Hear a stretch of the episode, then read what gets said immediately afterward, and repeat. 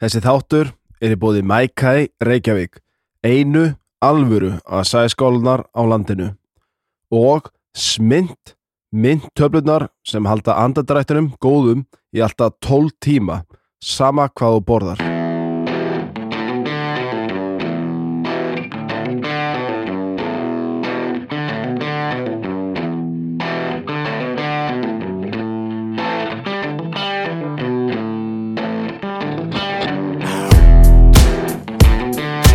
Herru,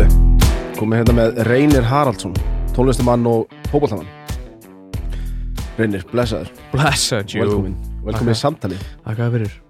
Herru, til hafingi með, tó- þú varst nú að, þú varst að halda þínu fyrstu tónleika, útgáfu tónleika á nýri plötu. Á plötunum minni sem kom út uh, Ég breytti þessi í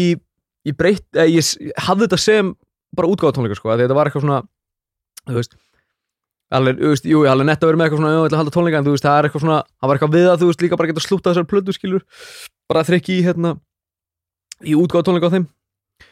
En mér veist að líka vera hérna svona tónleikar til að bara kynna nýtt efni sko, af því ég spilaði svo fokkið mikið af dótinu mínu sem er að koma út, þú veist, núna. Bæði, ég er að já, bæði maður, fuck, ég er að ég er að gefa út lag, sko, núna klukkutíma og 25 mínútur, sko Já, við erum erum sem sagt takit upp á 15. kvöldi. við erum að taka þetta á 50. kvöldi uh, mögulega bara þegar við erum að ennþá að blara, þá er mitt komið út en já, tónleikar maður uh, þetta voru mín fyrstu tónleikar, sko uh, held á í gamla bíó 17. oktober og það var miklu skemmtilega bjóstuði, sko Fannst ekki ganga vel? fokkin vel sko eða þú veist, málið er, ég var búin í kvíðakasti sko uh, þú veist, ég tók þessa ákvörðum að halda tónleika sem í kvatvísi sko. Sem í bara eitthvað svona herru, ég vil halda tónleika og ég er sem er svo ógeðslega mikið af ákvörðunum sem ég tek að fæ eitthvað að flugu hausin og ég er bara búin að taka ákvörðunum á hann pæla eitthvað í henni skilur. En það er ekkert lélega ákvörðun skilur ekki eins og það hefur eitthvað drikja epilum með eitthvað skilur, ég var alltaf, þetta er bara eitthvað tónleikar skilur og ég, hérna, ég hef alltaf búin að senda á gaurinn og búin að fara hann niður þér og bóka sal og hérna. En sko málega að því ég var einn í þessu eða þú veist, að, að langmestu leiti þótt að hérna, minn allra bestum maður og myndatökumæður minn Hafstedt Snær hafi verið svo mikið að hjálpa mér í þessu en þá var ég, þú veist, það var ekkert hérna e, þú veist, ég var ekkert með eitthvað lið á bakum mig til að bóka tónleika og eða þú veist, hérna, til að þú veist, borga þetta fyrir mig og græða sponsa og eitthvað svona þannig rugl, ég var einn í þessu og þú veist, þannig að ég ég gat ekki verið kvíðin þú veist, ég hafði ekki tíma til að vera kvíðin út af því að standa upp á sviði, sko, ég ég var kvíðin út af fokkin öllu öðru, skilur ég var bara eitthvað, ég var fokkin þú veist, ég var bara með gaurinn hérna eigandi gamla bíó bara í hnakkanum á mér, sko, bara sko, halv eitt um nóttina fyrir tónleikana bara, já, ég veit ekki hvort það verði tónleikar á morgun skilur, og eitthvað svona, í ykkur svona rugli skilur, hann er, ég var bara, fuck maður eitthvað, þú veist, eitthvað, Hérna, akkur, akkur var það? eða sko, máli er uh, sko, Gaurin smá Galabí og þetta er fucking top gay, sko, ég, hérna, ég dyrkina mann uh, þetta er gammalt vinn hans pappa uh, hann og pappi voru eða þú veist, hérna, pappi var mikið var mikið, hérna, í tónlistinni gamla dag og hérna, hann, veist, var alltaf með, veist með, með staði og hérna og var svolítið mikið, veist, að bóka hann og, veist, fá hann og svona. Og hérna, og ég var greinlega bara búin að gera allt vittlust, sko. Af því að, þú veist, þarna átti ég sérst að bóka salin uh, eða þú veist, maður fyrst semst svona lausbókaran einhvern veginn og svo þú þurft að staðfesta hann. Ó. nema það ég held bara að ég væri búin að fucking bóka salin, skilur, staðfesta hann hann er bara svona vikuna fyrir tónleika þá bara eitthvað, já, heyrðu, þú með tónleika hérna? já, ok, uh, það var ekki búið að staðfesta það. Uh, ég var enda búin að setja hérna æfingu hjá hérna leikfélagi hérna á sama tíma en ég bara, skulum bara græða það og eitthvað svona. Og ég eitthvað, ok, og svo segðist semst að ég sagði greinlega að ég ætla að vera í bandi við hann að gaur eitthvað, eitthvað eftir það sko, ég bara, já, ég verði í bandi við eitthvað, ég heyrði ekki dímanum okkar, ég veit ekki, þú veist, hvort að, að þú veist, bila að gera hjá mig þá líka skilur, bara græða tónleika skilur, bara með eitthvað, þú veist í gangi og allt annað og að því ég held að þetta var bara komið því ég var búin að hitta ykkur tækningur hann niður, þarna niður frá og, og svona rögl sko. Hann að þú veist, og það var, það var bara, þú veist að sko, þú veist, hjá mér var þetta feitur fokkin miskilningur svona í gangi, skilju, en auðvitað kom þetta fokkin illa út fyrir hann, því ég var ekkert búin í bandi við algæðan þetta, skilju, ég var bara alltaf bara ráttast í ykkur tæknum minnum, skilju, og var eitthvað svona þú veist, ég held að það var bara komið og alltaf bara að bæta, skilju, ég held að þetta var ekkert mála að halda tónleika, skilju, og hann var alltaf, svo settist það niður með mér, skilju, og ég alveg, þú veist, fokkin þakkláttur fyrir það, hann hefði baunað við mig, ég átti að fokkin mikið skilið, sko, en við erum alveg, þú veist, þetta var ekkert gert í ykkur í ykkur ílsku en eitt annir, sko, þú veist, hérna eftir tónleikana, þú veist, við, hérna hann rósaði mig því líkt maður og hérna og hérna, þú veist, ég er ennþá búin bandi við hann skilur og þú veist, alveg, alveg þetta eðal gaur sko sem er þetta sko, en þú veist, ég ætti bara feitt skilja að fá aðeins að aðeins að heyra það skilja, þú veist, þetta er náttúrulega alltaf tónleika skilja, þetta er ekkert eitthvað mætir ekkert bara staðin og það er bara búið að henda upp stólum og þú veist, græja þú veist, starfsmenn í salin og hérna og ljósin og allt það rugl skilju, það er ekki, þú veist, þetta meira en að segja skilju, bara bjóða liðinn og þú veist, það er eitthvað alltaf, alltaf að spila, sko. Kresta vantilega mikil skipulags. Já, já, en þú veist til að fara ekki alveg off topic sko en þá hérna gekk þetta ógeðslega vel sko. Ég hérna, ég fattaði ekki bara fyrir hérna uh, semst, ég uh, kláraði semst, ég, á- þetta var með hérna, alltaf hafa þetta bara eins og fótballtaleik semst 2.45 og svo bara svona korter sem að breyka hann á milla þess að fólk að fara á barinn og svona. Uh, og svo hérna svo í hlénu þá hérna þú veist uh, að því drunnu, þetta er fyrsta skipti sem ég ég er bara svo að segja, þú veist, ég er fyrsta skipti sem er þú veist, og maður er stendur með efni sitt og þú veist, maður er að spila sín lög og náttúrulega mörg lög sem voru ekki komin út þarna sem ég tók í fyrir helmingnum og hann að þú veist, í hlénu þá sendi ég á kæristinu mína bara svona eins mikil fucking kvíðasjúklingur og órugur og ég er skilur, hvað var þetta ekki bara fínt, eitthvað skilur. Og þá var hún eitthvað, þetta, setja bara kapslag, þetta bara geggjar, allir að tala um það og, og ég var svona, ah, ok, var svona þú veist, alltaf pæla hvað allir maður finnst um maður, algjör kvíðasjúklingur, en hérna og hann ég eitthvað, ok, næs maður. Svo hérna tók ég sér setni hlutan það sem ég, ég var bara á kassikítunum og, þú veist, var að með munnræpur á milli og var að segja sögur á sjálfum mér og hérna eh, hérna, þú veist fá að reyna að vera að fyndina hans á milli laga og svona. Mér, mér ást að ganga miklu betur. Og þú veist, þannig að eftir tónleikana þú veist, viðbröðin voru miklu betur en ég þorða að vona sko. hann er hérna út á allir svo ruggli líka sko. þá var ég bara svo fucking sáttur, það var bara búið og þú veist, og allir fóru bara glæðir heim skilur já, ég vil líka bara fá rósar þetta og ég mætti þarna og þetta var alveg geggjaði tónleikar. Guð, takk maður, ég er bara ég er ennþá sko myndir af tónleikana og bara svona því þú veist, það er syngast inn skilur núna svona þú veist, þegar maður fær aðeins að slaka á skilur og fótið tenni bent eftir þetta og ég var þú veist, þá bara sko myndir af tónleikunum sem að það voru teknar og bara svona vídeo og alveg bara svona þetta var gaman, skilur, þú veist, að ég var maður náði ekki að synga inn, maður var fyrst bara eitthvað úf, ok, hérna, þú veist, aðeins að hérna, rómi niður eftir alltaf fucking rugg sem búið í gangi og þú veist, og þetta var líka bara svo fucking lærdómsríkt, sko, eða hérna, að vera með svona tónleika, sko. Þú veist, að, að því út af þessu ruggli sem ég var að tala um, skilur þú veist, sem þetta bara, bara taka, taka fyrir núna, þetta var, þú veist, kom út á mér, veist, ég veit ég var eitthvað að tala um eitthvað, en eitthvað, en þú veist, þetta, þetta er ég, skilur, þetta, var ekki eitthvað, ég er ekki hérna eitthvað, að, nákvæmlega, hvað fucking gæðir þetta, skilur, eitthvað, en hérna, hann er eftir, sko, þú veist, og, þú veist, og kvíðin sem fylgdi því og eitthvað, ég var alltaf, þú veist, alltaf því ég var að stressa með ykkur, þá var ég, þá var ég svona innstinni svona, já, djúvill er samt næs að vera,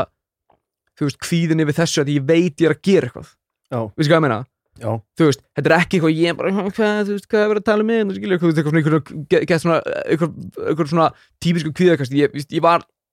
drepastu kvíða þarna fyr, kvöldi fyrir, en ég var samt bara eitthvað, shit hvað það er næs, af því þú veist, ég veit núna að ég er að koma í eitthvað stöðu sem er óþægileg, en þú veist, þetta er ekki ég að kúk í mig eða þú veist, gera eitthvað heimskulegt eða eitthvað þannig, skilur, þú veist, ég er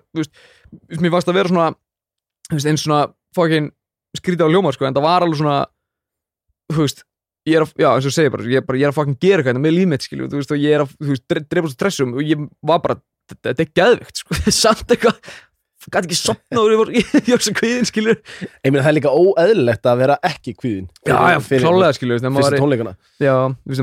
skilju, þá var þetta ekkert, þetta En þú gaman, heldur, sko, en þú talar um að, að hérna, þú hefur raunin ekki haft tíma til þess að vera kvíðin fyrir tónleikunum sjálfum. Já, að- að mæta upp á svið en rétt fyrir tónleikana fyrstu tónleikanir Mm. kikkaði þið þá, hvernig var, hvernig var tilfinningin rétt áður úr stegst á svið? Uh, sko, ég var eitthvað búin að asnast í síman, skilju, hérna, og sá, þú veist, ég kom með eitthvað snöpp og ég kom með eitthvað svona einstakar stóris, eitthvað svona á leiðina tónleika hjá reynu og þá fattaði ég svona að það er alveg svona það er alveg svona frekar stórt sko að halda tónleika þú veist, og, og það er ekki það er ekki margir tónlistamenn á mínum aldri sem eru að halda tónleika sjálfur þú veist, þetta er rosa mikið bara þú veist, annarkvort er, er að koma fram bara á, þú veist, böllum eða útiháttíðum eða, þú veist, ásatíðum eða bara, eða, þú veist, einhverjum, þú veist, skilur skemmtunum, skilur það voða lítið af þú veist bara liðið á, eins og segja, bara á mínum aldri sem er að sem er að hjóla bara einhver tónleika bara í miðum oktober, skilur hann er hérna en það kikkaði inn þú veist, hérna, rétt fyrir bara svona, já, ok, það er bara lið bara ekki búið að bara fara út að borða undan skilur og er bara að gera gott kvöld og alltaf bara að fara að horfa á reyni skilur, bara svona, þú veist. Hann þá fatt að ég svona, en ég fekk sann sko ég fekk já, ég fekk svona þú veist, það stressaði mér unni ekki sko, það er unni bara svona veist, eldi mig ef eitthvað er, skilur, bara í það bara, veist, já, ok, þú veist. Ég er actually, þú veist, með eitthvað fram á færa einu, sko, þú veist, þetta er ekki eitthvað þú veist, ég mætti ekkit óundibúin allt í einu, bara allt í einu og fólk bara eitthvað búið að þessu blazer og alltaf fara í gamla bíó og horfa mig syngja eitthvað, skilur, þú veist, þetta er bara þetta er mín lög og ég elski þessu lög, skilur, og þú veist, og, og hérna og fólk að koma að horfa á mig, mér finnst það bara geðvikt, sko, en ég fekk alveg svona þú veist, það var ekki kvíði þá, meira bara svona svona í alveg bara svona spenningu, skilur, bara svona, já, ok, þetta er, þú veist fokk að vera gaman, skilur, eða hérna, þú veist ba- bara við það, hérna, fara upp á svið, sko, og taka þessu lög. Þannig ég held að þú veist, það var kví- eins og þú veist, ég hafði ekkit, þótt ég hafði ekki tíma til að vera kvíðin hérna, eins og tala um áðan, þú veist, það ekki, kom ekkit kom ekkit á heldur, sko Nei. En aðeins kannski aftur í tíman mm -hmm. Langar að vita hvenær byrjar í tónlist? sko ég er freka sent á ferðin í tónlist, sko málið er ég er alltaf búin að vera daðra við það, eða þú veist, ég hef spilað á gítar frá því ég var, þú veist, 8-9 ára eða eitthvað og ég hef alltaf, veist, alveg frá því byrjaði, þú veist þá hef ég alltaf verið mjög góður á gítar uh, þú veist og uh, þú veist, upp úlingsár og eitthvað svona, veist, ég var alveg svona ég hef ekkert verið í tónlist því, veist, ég var alltaf bara alltaf drauma um að vera aturmar í fótbolta, skilur, og var ekkert, þú veist, maður bara, jú, maður kunna gítar, skilur, og maður, hérna, þú veist, tók, tók lög heima og spilaði lög heima, skilur, á hans að var ekkert að syngja, sem maður bara, þú veist, maður, típitt glamr, skilur uh, og svo kannski þegar maður fyrir mentaskóla og byrjar að vera úlingavegur og, og þú veist uh, og hérna fá okkur svona drauma og eitthvað þá þú veist og kannski fyrir svona fjara aðeins og undan þú veist svona fótboltadrömmnum sko þá kemur eitthvað svona ég byrja að syngja runni bara eitthvað í einhverju ganni þú veist með gítar, bæði ég að vera eitthvað þú veist, ógeðslega graður úlingur skilur þú veist, og vilja vera með einhverjum vera í, MR skilur og vera, þú veist, eitthvað ráðgjöfin einn aðtigli og eitthvað og þá hérna, og ég tek eitthvað svona lög eins og uh, það var eitthvað svona hæfileika keppni MS eitthvað, þú veist og ég tók eitthvað lag að því ég var, veist, ég var í vídeosviði þá Já, og hérna í MS og með mjög misgáðum mönnum. Og það var sérst allar nefndið MS sérst að koma með eitthvað atri til að fylla upp í kvöldið skilur já, og þetta er náttúrulega bara, þú veist, samansefna af mest talentless pieces of shit bara, þetta er hérna þetta er hérna, þetta er minn maður sloppurinn og þú veist, þetta er hérna þetta er, þetta er, þetta er fagmenn samt, sko. Aðtikli sjúkasta liðið MS hvað sér þið? Aðtikli sjúkasta liðið MS að það mætt saman. Já, aðtöklu sjúkasta og heimskasta liðið MS og allir saman settir í bekk og skrýta okkur í fokkin fjall sko, enda FB og taka þetta á sex árum og eitthvað. En já, hérna ég, ég segi við stráka bara, heyrðu, ok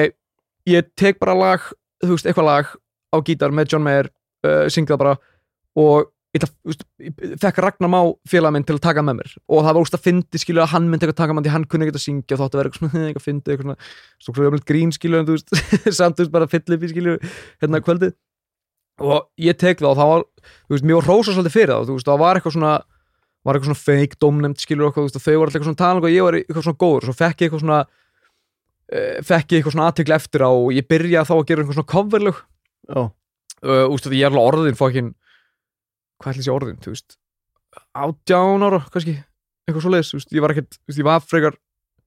sent á ferðinu með aðra skilur, þú veist, og ég er ekki búinn að prófa að taka upp lag á þessum tíma, skilur og þarna hafður ekkit verið að æfa söng þú veist yngri ekki neitt, sko, og veist, og ég, en það þann dag í dag, þú veist, ég til með, þú veist á kannski ári, þú veist, aðeins að fatta hver, hvernig maður syngur og hvernig ég syng og þú veist, svona, þú veist, eins og bara það að syngja mikrofónum svona, skilur Já. þú veist, þótt ég sé svona að mínum að þetta er búin að koma því vel frá mér und, undanfæri ár og svona, þú veist, þá ég, söngur ekkert vel, skilur þótt ég hef alltaf verið að fá eitthvað svona, wow, eitthvað, þá var eitthvað bara, eitthvað, þú veist, þótt það var eitthvað þrýr að segja, wow, og eitthvað, þú veist, fákin 500 aðri sem var bara, eitthvað, hvað auðli er þetta, skilur, var eitthvað, að reyna að syngja hérna, en hann, ég, veist, ég var ekkert að syngja neitt, að, þú veist, byrjaði bara eitthvað, því, þú veist,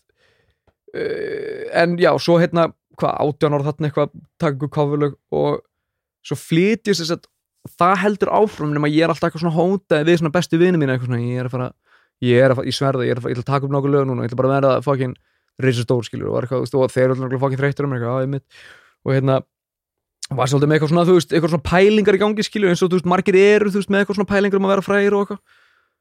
og hérna, svo bara kildi á það sem sagt, þegar ég var búin að ná mér í tónlistafórið og kunni ekki neitt í rauninni. Og ég bara sótt um skóla í Leopold. Ok, sem að hérna sem sagt, námið heitir audio hvað fokkanum hétt námið maður? Það hétt sko já, heit audio production. Sem sagt bara hljóðvinnsla. Ok. Og þarna, býtu, þarna varstu bara búin að ná eitthvað forrið en kunnir raun ekkert á það? Ég kunni ekki raskat á það skilur og sóttu bara um, um já, í rauninni, þú veist, og ætlaði bara eitthvað svona að, þú veist, hjóli í þetta skilur, og ætlaði bara eitthvað svona, já, veist, ég hef bilað áhuga tónlist og, þú veist, hvað, það var 2017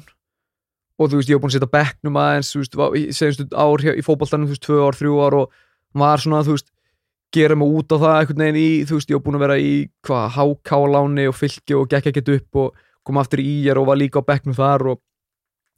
og var orðin einhvern veginn svona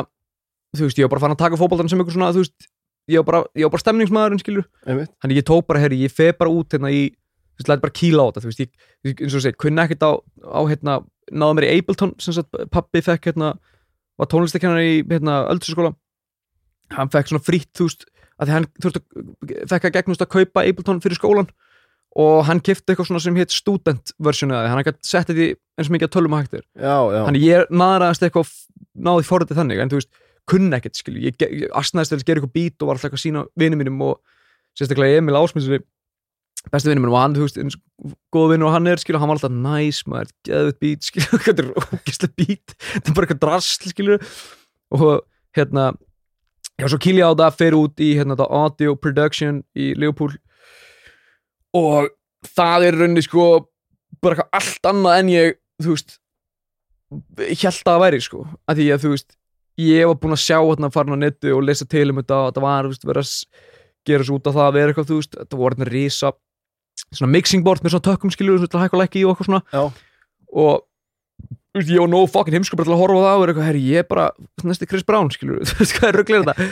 Og svo náttúrulega þú veist er þetta bara tvöðum ára einhverju þú veist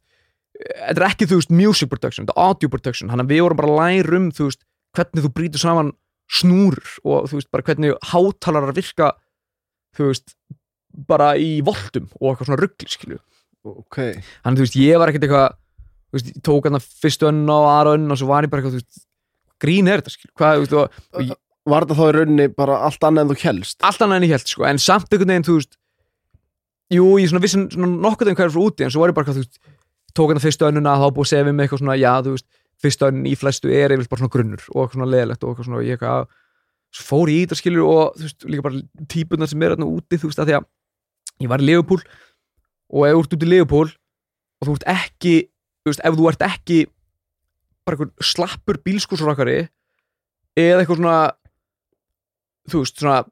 hástónlist sem er spilun í Gallery 17 þú veist, að fólk bara getið aðstöða skilju, þú veist, það er bara svona sama stefi alltaf í gangi skilju, bara í svona korter. Þú veist, þú ert ekki eitthvað svona þannig gæi eða eitthvað svona slappur bílskósrakar það bara fittar ekki inn, skilju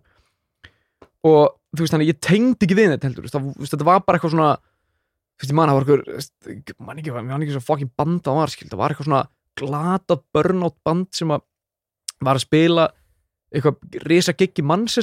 Já. sem eða þú veist klukti mig frá og það var eitthvað svona kom eitthvað kennar þú veist þá líka þá ég held að það hefði verið bara tíminn sem ég var bara herri hvað er ég að gera hérna maður?" það var eitthvað svona kemur eitthvað kennar og var eitthvað herri við erum með risa fucking project fyrir ykkur maður na, nú er þið heppin eitthvað þú veist, svona nú þið fáum að róta fyrir hérna þú veist ég man ég, ég, ég, ég, get ekki sem mun hvað fucking banda var það var bara eitthvað að róta fyrir hérna þú veist fucking það var umla bandandi í í heldur ekki bara að setja Jackie Jackson bara hérna í gegn fyrir þú veist eitthvað fyrir þetta voru þá alveg stóri tónleikar? Já, þetta voru eitthvað stóru tónleikar, þetta var eitthvað svona frekt band sko, ég bara man ekki hvað fokkin var. Veist, helmingurinn döðir, skilju, í hljónstinu þannig að þetta var bara eitthvað, þú veist, finnur ykkur slappi bassaleikar, skilju, inni og þetta var bara eitthvað var bara eitthvað peninga peninga, þú veist, fokkin rung, skilju, hjá okkur svona gömlu böndum, skilju, að vera ennþá að gigga og þið fóruð og Nei, þú veist, það var bara eitthvað svona sjálfbóðvinna skilur og þannig að það var bara liðið var bara að fucking þróa sér þessi tækifæri skilur, bara, já, það er ekki að fucking grínast mér, ég er bara, ég er bara að tengja hérna einhverjar, einhverjar magnana hérna fyrir, þú veist, eitthvað, þetta lið skilur, þá var ég bara, herri, ég hef ekki heima hérna, sko, og ég líka, sko, þú veist, ég kynnist fucking, bara því að tala um Leopold, þá kynnist ég ennþá, eða kynnist ég gaur hérna úti sem heitir Matthew Fox, sem er ennþá gæðin í dag sem að er að mixa og mastera lögin, sko já, ok. Sem að, en hann var ekki í skólanum sko. Hann var hérna sem sagt ég kynnist, ég, ég er svona, það er svona leikarbyggja hérna. Í skólanum? Í skólanum sem Já. er, eða leikarbyggja, þú veist, það eru hátalarar og þú veist, það er hljóðkort og þú getur tengt inn og þú getur bara leikir að búið tónlist. Og ég var þá okkar að leika mér að búið til eitthvað beats og var að gera eitthvað svona hip-hop tónlist og þá kemur eitthvað bara svona eitt gaur að mér bara eins og ykkur atri ykkur bíómynd bara eitthvað svona eini gæðin sem þú veist fílaði hip-hop og rap og eitthvað svona þá. Og bankar upp og bara svona, hefur já, ætla að gera hip-hop takta, þú veist hvað já ok, ég held að, ég held að væri enginn en að því skilu, hvað fucking grín er þetta? Og eitthvað hérna. Og ég eitthvað hafa maður og svo kynnist ég honum eitthvað kynnist sem sagt Matthew Fox görnum sem að uh, mixar að mastera lögminn ennþá í dag, þú veist, í gegnum hann sko. Veist, við endum vera ykkur félagar sko. svo þú veist, görinn sem var með mér í skóla sem bankuð upp á hana, já, við erum alltaf félagar í dag sko. þú veist, það var bara, hann hætti skóla með þetta viku og eitthvað, skilur, var eitthvað já var, þetta var semst Matthew þá vinnur hans? Matthew vinu hans sko, þú veist, ég endaði bara einhver chilli heima á honum eitthvað eitthvað, veist, í einhverju fókin greni í Leopold skilur bara eitthvað, þú veist, eitthvað búið búið tónlist þar sko. Þetta, hérna, þetta minnir mig á og það mér langaði svo að þetta var það góð saga sem komst með á tónleikunum Mm. frá Liverpool, þetta minnir mig á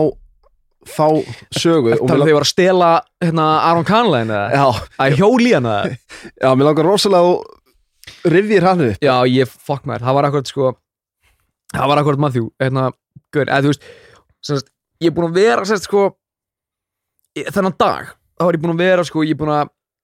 því mann ég bara hvað svatil háttegis ég fekk mér eina svona blueberry muffin þú veist á Starbucks og klukkan var hann svona sex og ég var bara ekki búin að geta veit ég var búin okkur hundlegum fyrirlestri og eitthvað í skólum ég var alltaf daginn og ég var bara ömulega upplæður þú veist, mér langar bara heim og eitthvað. Og svo kemur semst, þessi félagi minn hérna sem ég kynni sér í skólanum sem segir við mig bara, herru, uh, viltu koma til Matthew félagi minns hérna, sem að hérna, gerir, bara, gerir tónlistari með mér og gerir hiphop og eitthvað, ég eitthvað svona þú veist, já, þú veist, hvað er ég að fara að gera annað? Þú veist, heim, einn nýttu liðbúl skilur eitthvað, þú veist, er ekki búin að tala við aðra manninskjöðan úti bara, ég veist, ég veit ekki hvað lengi ég bara, jú, auðvitað, hvað, ég ég get ekki eitthvað segja nei við ykkur svona félagskap sko þannig að ég hérna, við tökum lestina til hans og, og ég er, þú veist búin að vera að ímynda mér í höstum bara hvernig lítur svo fucking gæi út af því að sérst, félagið minn úr skólanum var búin að tala um hans smá tíma því að Matthew félagið, Matthew félagið minn og ég eitthvað á svo bankuð upp á og hann bjó í svona student accommodation þú veist, sem var bara svona 5-6 ykkur er gaurar sem að, þú veist, voru allir í námi þú veist, bara svona, basically bara Já. nema það var bara einbilshús, skilur það var bara svona brest slaft frat house, skilur sem er bara, þú veist, nema þú veist þeir eru ekkert að negli ykkur svona frat pælingar, skilur þeir eru bara eitthvað, þeir reykja gras og fróða sér og horfa lífupúleiki, skilur og hérna, hann er við förum til hans og, þú veist, Matthew er svona fölur, þú veist uh, svona, þú veist uh, mop top head, skilur lífupúlgar, þú veist, hóraður og við förum nýri herbyggi til hans og hérna, hann var sem sagt, þú veist, þú veist, hann var með sokk á reikskjörnum, þú veist, á reikt gras, skilur og hann var í það litlu fokkin herbyggi að við gati ekki, þú veist, ef þú myndir opna hurðina, þú veist, þú kannski bara opna hana helming, að þú veist búin að negla rúmið hann, skilur rúmið hans var bara raunin herbyggi og hérna og ég eitthvað, hvað fokkin bull er ég komin í maður? Eitthvað, og hérna heitir hann gaur ekki fyrst skipti skilur bara eitthvað, angar allt þessu fokkin öskubakkinu og, og hérna svo erum við komin með inn og ég hérna kynnist Matthew, Matthew er alltaf bara top gaur skilur, þú veist, og mjög öll hérna væpa með honum skilur og ég eins og segi, þú veist þá, ég var nú ekkert orðin eitthvað þá bara mjög lélur en þá að gera tónlisturinn nema hann, þú veist, er ógislega góður í okay. og við vorum bara saman að gera eitthvað þú veist, hann var bara í tölvunni og ég fekk að pikka og potta í eitthvað og hérna fór að gera eitthvað melodíur og gerðum eitthvað svona beats, svona hip-hop. Og semst félagið minni frá aftan hann er takk, by the way. Takki fyrir aftan að rappa Já. og hann er að freestyle eitthvað yfir beatið sem við erum að gera og ég bara eitthvað, ah, fuck maður. Og tala um þú hvað hann er mikið hvað er mikið penning og hvað hann er fokkin nettur og þú veist hvað hann er ríkur og hérna eitthvað svona rugl og hérna svo segir hann varðin bara herri, Matthew, hliftu mér inn. Og hann er með, sérst, var með fatarherbyggi hliðin á herbygginu sem hann búin að dekkur þetta sem bara svona tökubúð, skilur já, bara með mikrofón og alveg nett, sko. Ok. Hann bara lifti mér inn maður, ég verði að spytta yfir þetta. Og svo fer hann inn, spyttar og þú veist, tekur eitthvað bara eitthvað slaft vörs, skilur, bara eitthvað, þú eitthvað, hérna, bara 16 bars og og svo kemur hann út og bara herri, nú, bara, bara þú fer inn núna, skilur, þú ert að bara þú ert að bara spytta hérna hot 16 fyrir eitthvað, ég er bara ekki fucking sjenn, skilur, ég er ekki búin að skrifa neitt, þú veist, var ekki byrjað að semja hvorki íslensku niður ennsku á þeim tíma og svo segir, fucking kunni ekki raskat og hann bara, nei, reynir, þú, þú ert að fara út sko. Eða, þú ert að fara inn í, hérna, í búð og ég segi, nei, maður, ég get ekki eitthvað ég er bara hérna með maður þjóma að gera bít og eitthvað. Og hann heldur bara alltaf áfram með bara eitthvað, nei, ykkur, þú ert að fara að gera bít sko. eða, hérna, úr að taka upp sko. og ég eitthvað svona, já svo segir hann eitthvað, gera bara íslensku maður. Og ég eitthvað svona, njá, veist. Og hann er búin að suða það mikið í mér að, þú veist, ef ég myndi að segja nei ég myndi að segja nei aftur þá er ég bara leðilega einn, þú veist, þá er ég bara reynir vangjum, drullarinn, skilur, þú veist, eitthvað svona þú veist, hann er ég eitthvað svona, fuck maður, fyrir bara inn og svo fer ég inn og ég man ég bara, þú veist, ég er að fucking panika þú veist, ég bara, herru, hvað er ég að fara að segja? Þú veist, bara bítið byrjar, meilandi byrjar. Og ég er bara komið headphone og ég bara, og, ég veit ekki eins og hvað fyrsta orðið er sem ég er að fara að segja, þú veist, eða bítið kikkar inn. Og ég man sko, ég kemur svo einhvern veginn frá mér samt mjög illa, þú veist, svona fyrstu tvær línunar Já. og ég er bara eitthvað svona, já og það var eitthvað svona, þú veist, álega blélegt og bara eitthvað svona, þú veist jó ég ferskar eins og engin fyrr. Og ég fer á staði sem engin fyrr á, jó, þetta er fokkin á. Ef ég má, sjá. Eitthvað þú veist, bara svona glata, skilur og ég er bara að spila eitthvað í íslensku og svo fattaði ég bara, herri genius fokkin hugmynd, ég býp allir fokkin orð. Þú veist, þeir skilja það ekkert, skilja, ég er bara fokkin bull eitthvað hérna, og ég er enda því bara, ég er bara, heyri, ok, tek eitthvað svona, kannski 5-6 aðra línu sem ég bara bulla búið til orð og er bara svona þú veist, jó, þú veist, þetta er fokkin faktara. Jó, með motherfucking haktara. Laktara, skilur, eitthvað svona svona, skilur, eitthvað svona ruggsmili líði fokkin kjála að segja frá núna, skilur og ímaður, og hérna, svo er ég bara, heyri, þú veist, fatta það sjálfur líka þarna, ég bara, hvað fokkin grín er þetta maður? Búið til fokkin orðinu, ég fatta bara, heyri, genius fokkin hugmynd aftur. Ég stel bara hérna, þú veist, 2017 Aron Kahn er með hérna, engin mórall árun aður, skilur, allir kunna, þú veist, eitthvað svona. Og ég herri, ég stel bara Aron, Aron Kahn, engin mórall þannig ég hjóla bara eitthvað í engin mórall, bara upp á þörru svo var ég bara, svo fokkin illa á blæðarna ég bara gat ekki muna hvað kom eftir það. Og ég held átt með að búa til orð svo fer ég fram og ég er að hlusta á þetta. Þú veist það sem hann er að segja. Og hann er svona tjoppar saman, þú veist svona hvenær ég tók bil og þú veist bara stróku út hvenær ég ger ekki neitt og þú veist setja saman eitthvað hvað sem rýmaði okkar og svo þegar ég fokkin hlusta á þetta þá er ég bara oi, maður, hvað er ég að fokkin gera? Skilju, og hérna og þeir eru bara eitthvað svona hvað er þetta fokkin nett maður? Eitthvað svona, skilju, ég eitthvað, "Gaur, þetta er ekki fokkin nett sko, eittu sem maður, eitthvað svona. Og hérna, þeir eitthvað, nei, hvað, ég bara, þú veist þetta getur orðið eitthvað svona SoundCloud thing þú veist, eitthvað svona íslenskt og ennst rap skilju, ég eitthvað, nei, þetta getur ekki orðið neitt fokkin SoundCloud thing. Og ég bara, herri, ég er að fara að segja með hann fokkin aumingja þarna sem ég var að kynna, bara þú, þú ert ekki að fara að setja hann á fokkin SoundCloud þú veist, bara eitthvað glemti, eitthvað glemti að ég sé að fara eitthvað að taka á Facebook og allir vinir mínir eitthvað að sjá eitthvað, hvað reynir eitthvað, eitthvað stela engin mór eitthvað, eh, bull eitthvað, þú veist, fokkin, í einhverjum fokkin einhverju ennsku frístal, hvað heldur hann sé, skilur, nýflutur út, skilur, en þá fokkin, og ég var alveg í, þú veist góða fokkin viku eftir það bara, alveg í svona legit kvíða kasti bara hann væri að að gefa þetta út, sko, þetta var bara þú veist, þú eru er alveg öruglega á pæli í þetta er öruglega bara eitt af fyrstu lögunum sem ég bara tek upp sko. það er þetta, þessi fokkin hryllingur sko.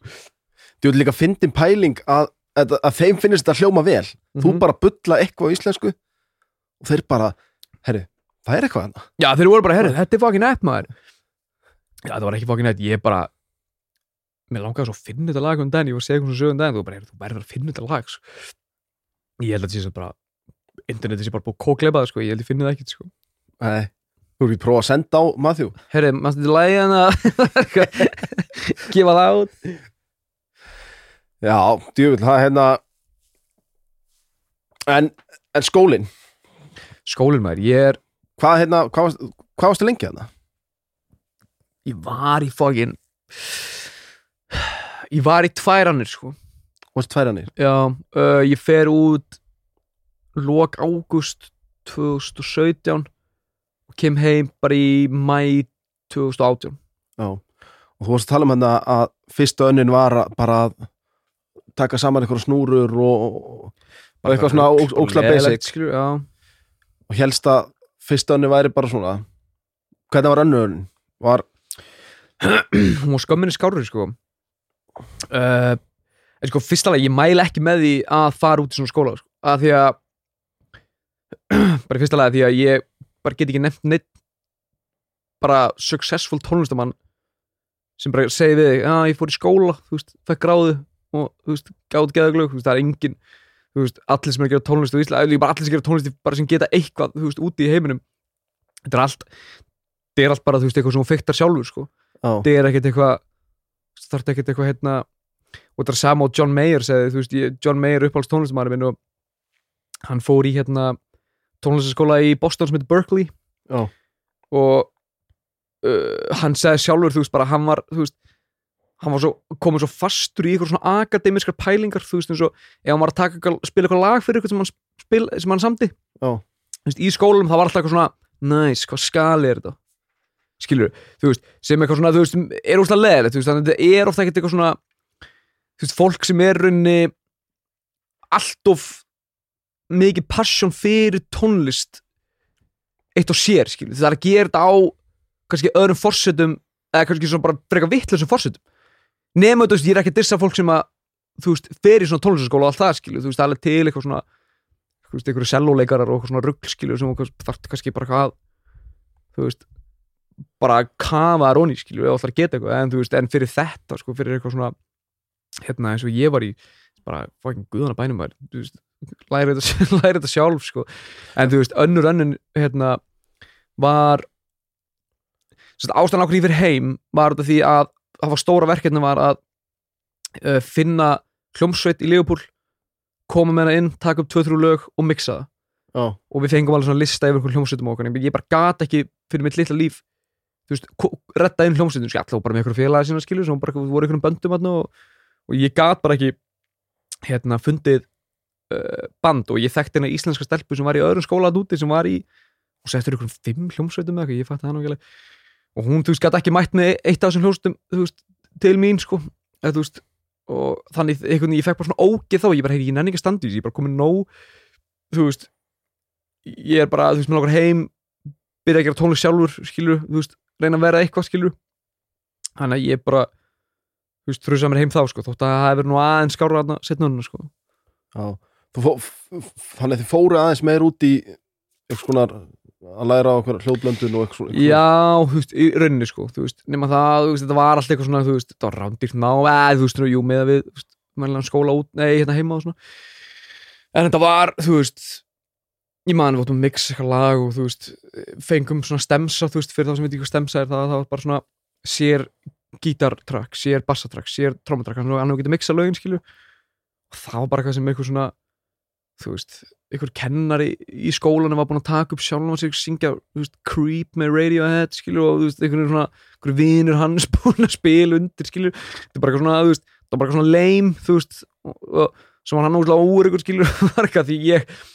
ég vissi hérna ég vissi hvað fór eitt melodænir melodænir sem þannig að þú getur bara þú syngar inn rödd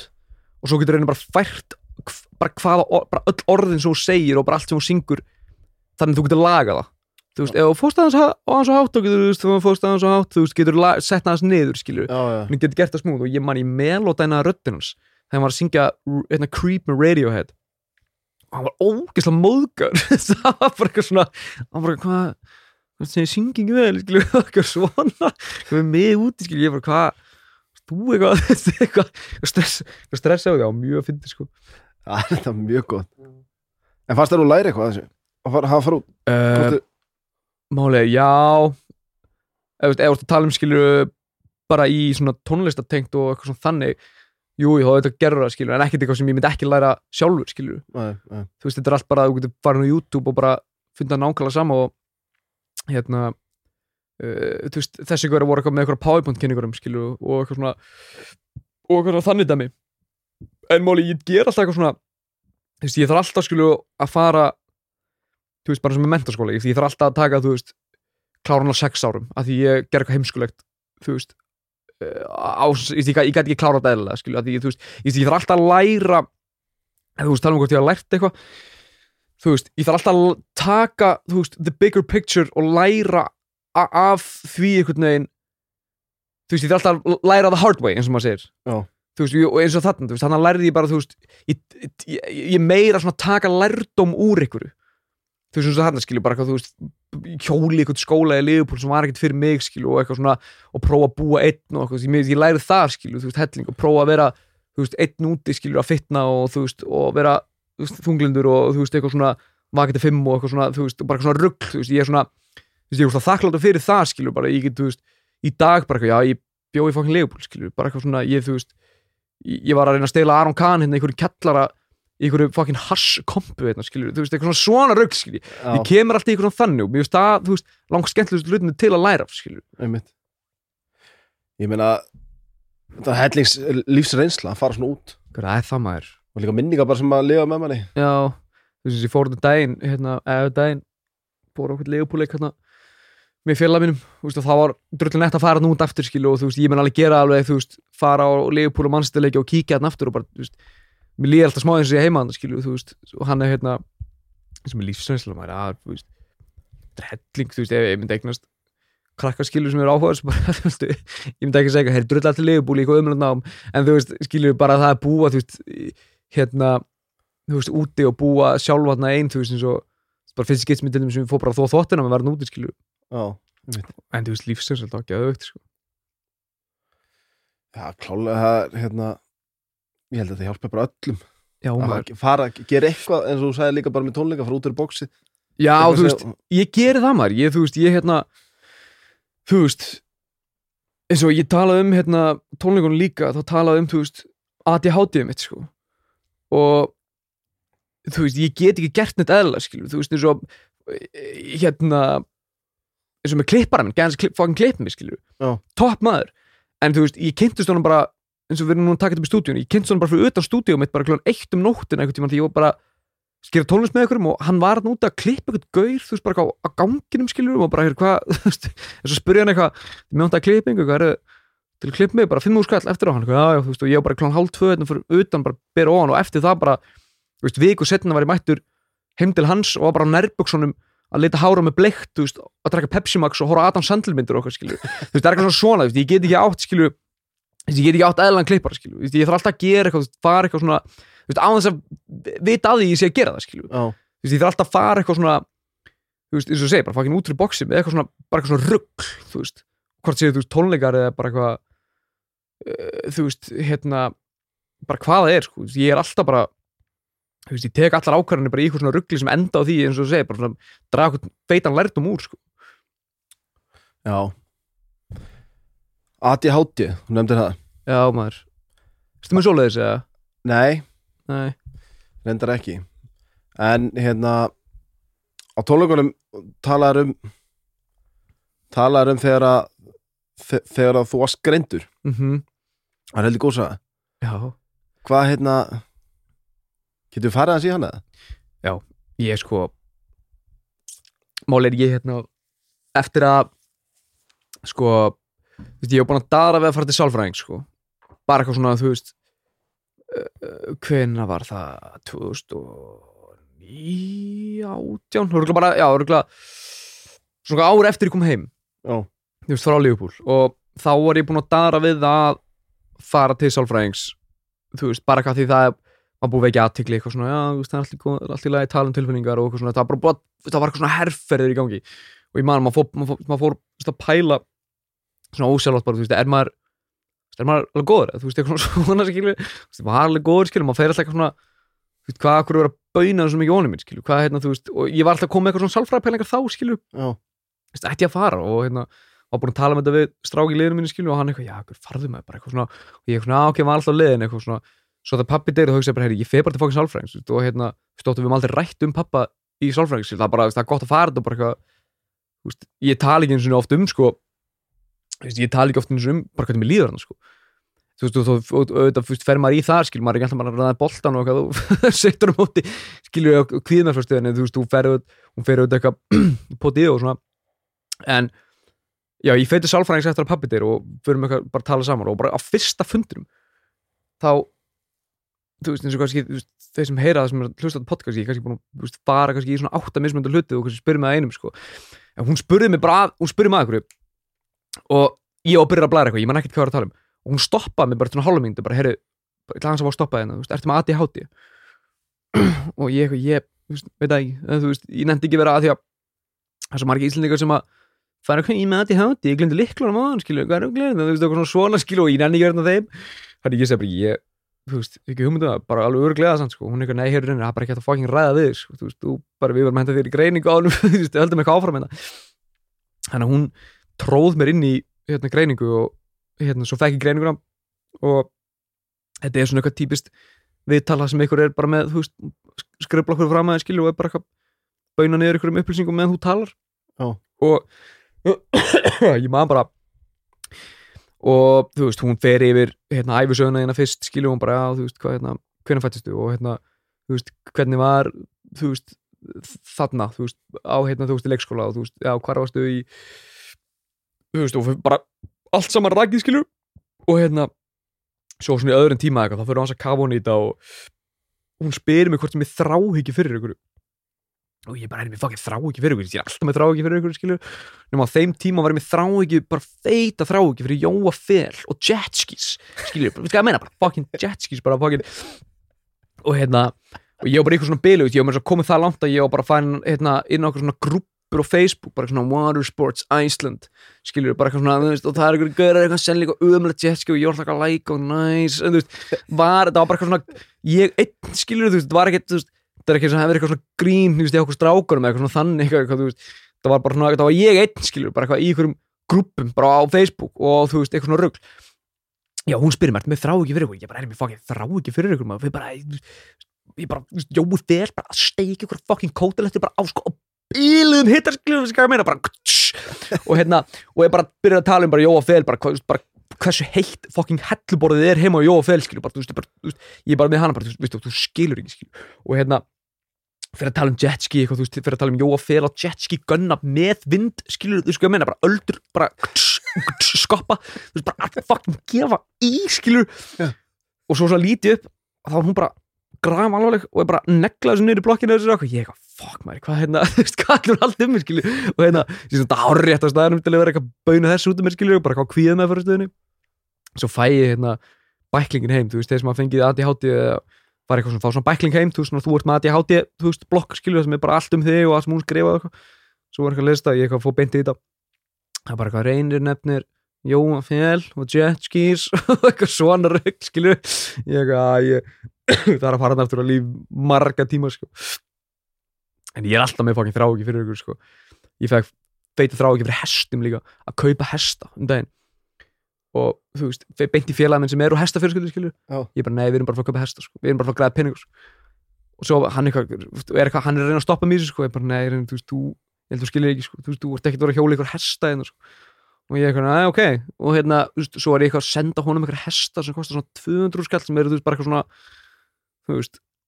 sem eru bara hest bara, þú veist, bara tvífættir hestar og skilur bara eitthvað svona hestar sem að, þú veist, vantar í meirun og skilur, eitthvað svona þú veist, bara eitthvað svona þú veist, bara eitthvað rángir hestar skilur og hérna þú veist, þannig ég, ég var mjög fljótt í henni, sko, en ég fæ alltaf eitthvað svona fucking rugl, sko, ég fæ alltaf eitthvað svona heilan, þú veist, mér bara, það er með bara annarkvort í, þú veist, viku eða mánuð eða, þú veist, þrjá daga eða eitthvað svona Já. En hvað, eftir að þú ert búin að fá greininguna, Mm. hvað tekur það við?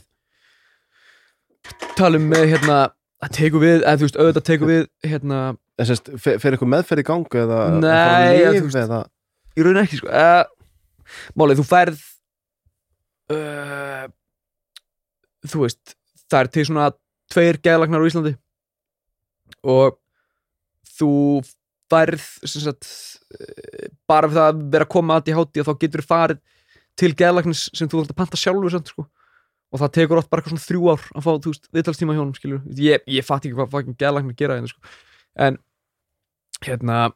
já, þú færð, þú veist eh,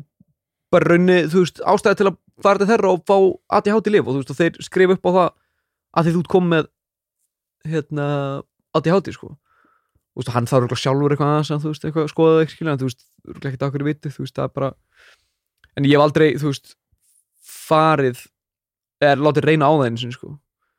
en ég þú veist er það þótt ég, mér langi alveg að prófa að taka svona konserta sem allir eru að taka en þá bara þú veist, líka maður svo sálfræðingum minn segði, bara vestafalli þá bara þú veist, er þetta bara glada skilur veist, en í bestafalli er þetta bara, þú veist, virkar þetta vel og svona. En ég er bara, þú veist, ég er svo hrettur um að vera